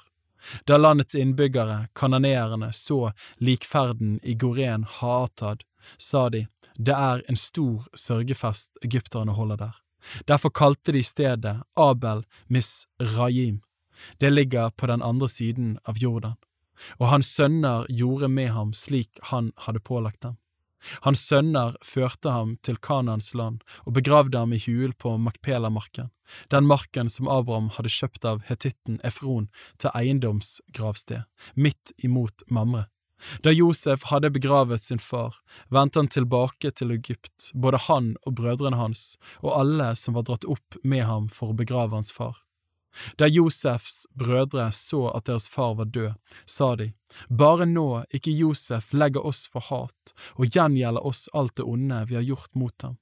Så sendte de bud til Josef og sa, før han døde ga din far oss dette pålegg, så skal dere si til Josef, kjære, tilgi dine brødre deres misgjerning og deres synd, da de handlet så ille mot deg. Nå ber vi, tilgi oss vår misgjerning, vi som også tjener din fars Gud. Og Josef gråt da de talte slik til ham. Siden kom også hans brødre selv og falt ned for ham, og de sa, Se, vi er dine tjenere. Da sa Josef til dem, Vær ikke redde, er jeg i Guds sted? Dere tenkte ondt mot meg, men Gud tenkte det til det gode, for å gjøre dette som vi ser i dag, og berge livet for mange mennesker. Vær ikke redde, jeg vil sørge for dere og deres barn, og han trøstet dem og talte vennlig til dem. Josef ble boende i Egypt, både han og hans fars hus, og Josef ble hundre og ti år gammel. Josef fikk se Eifraims barn i tredje ledd, også barna til Makir, Manasses sønn, ble født på Josefs knær. Josef sa til brødrene sine, Jeg dør, men Gud skal visselig se til dere og føre dere ut av dette landet, til det landet han med ed lovte Abraham, Isak og Jakob. Så tok Josef ed av Israels sønner og sa, Gud skal visselig se til dere, og da skal dere føre mine ben opp herfra. Og Josef døde, hundre og ti år gammel. De balsamerte ham og la ham i kiste i Egypt.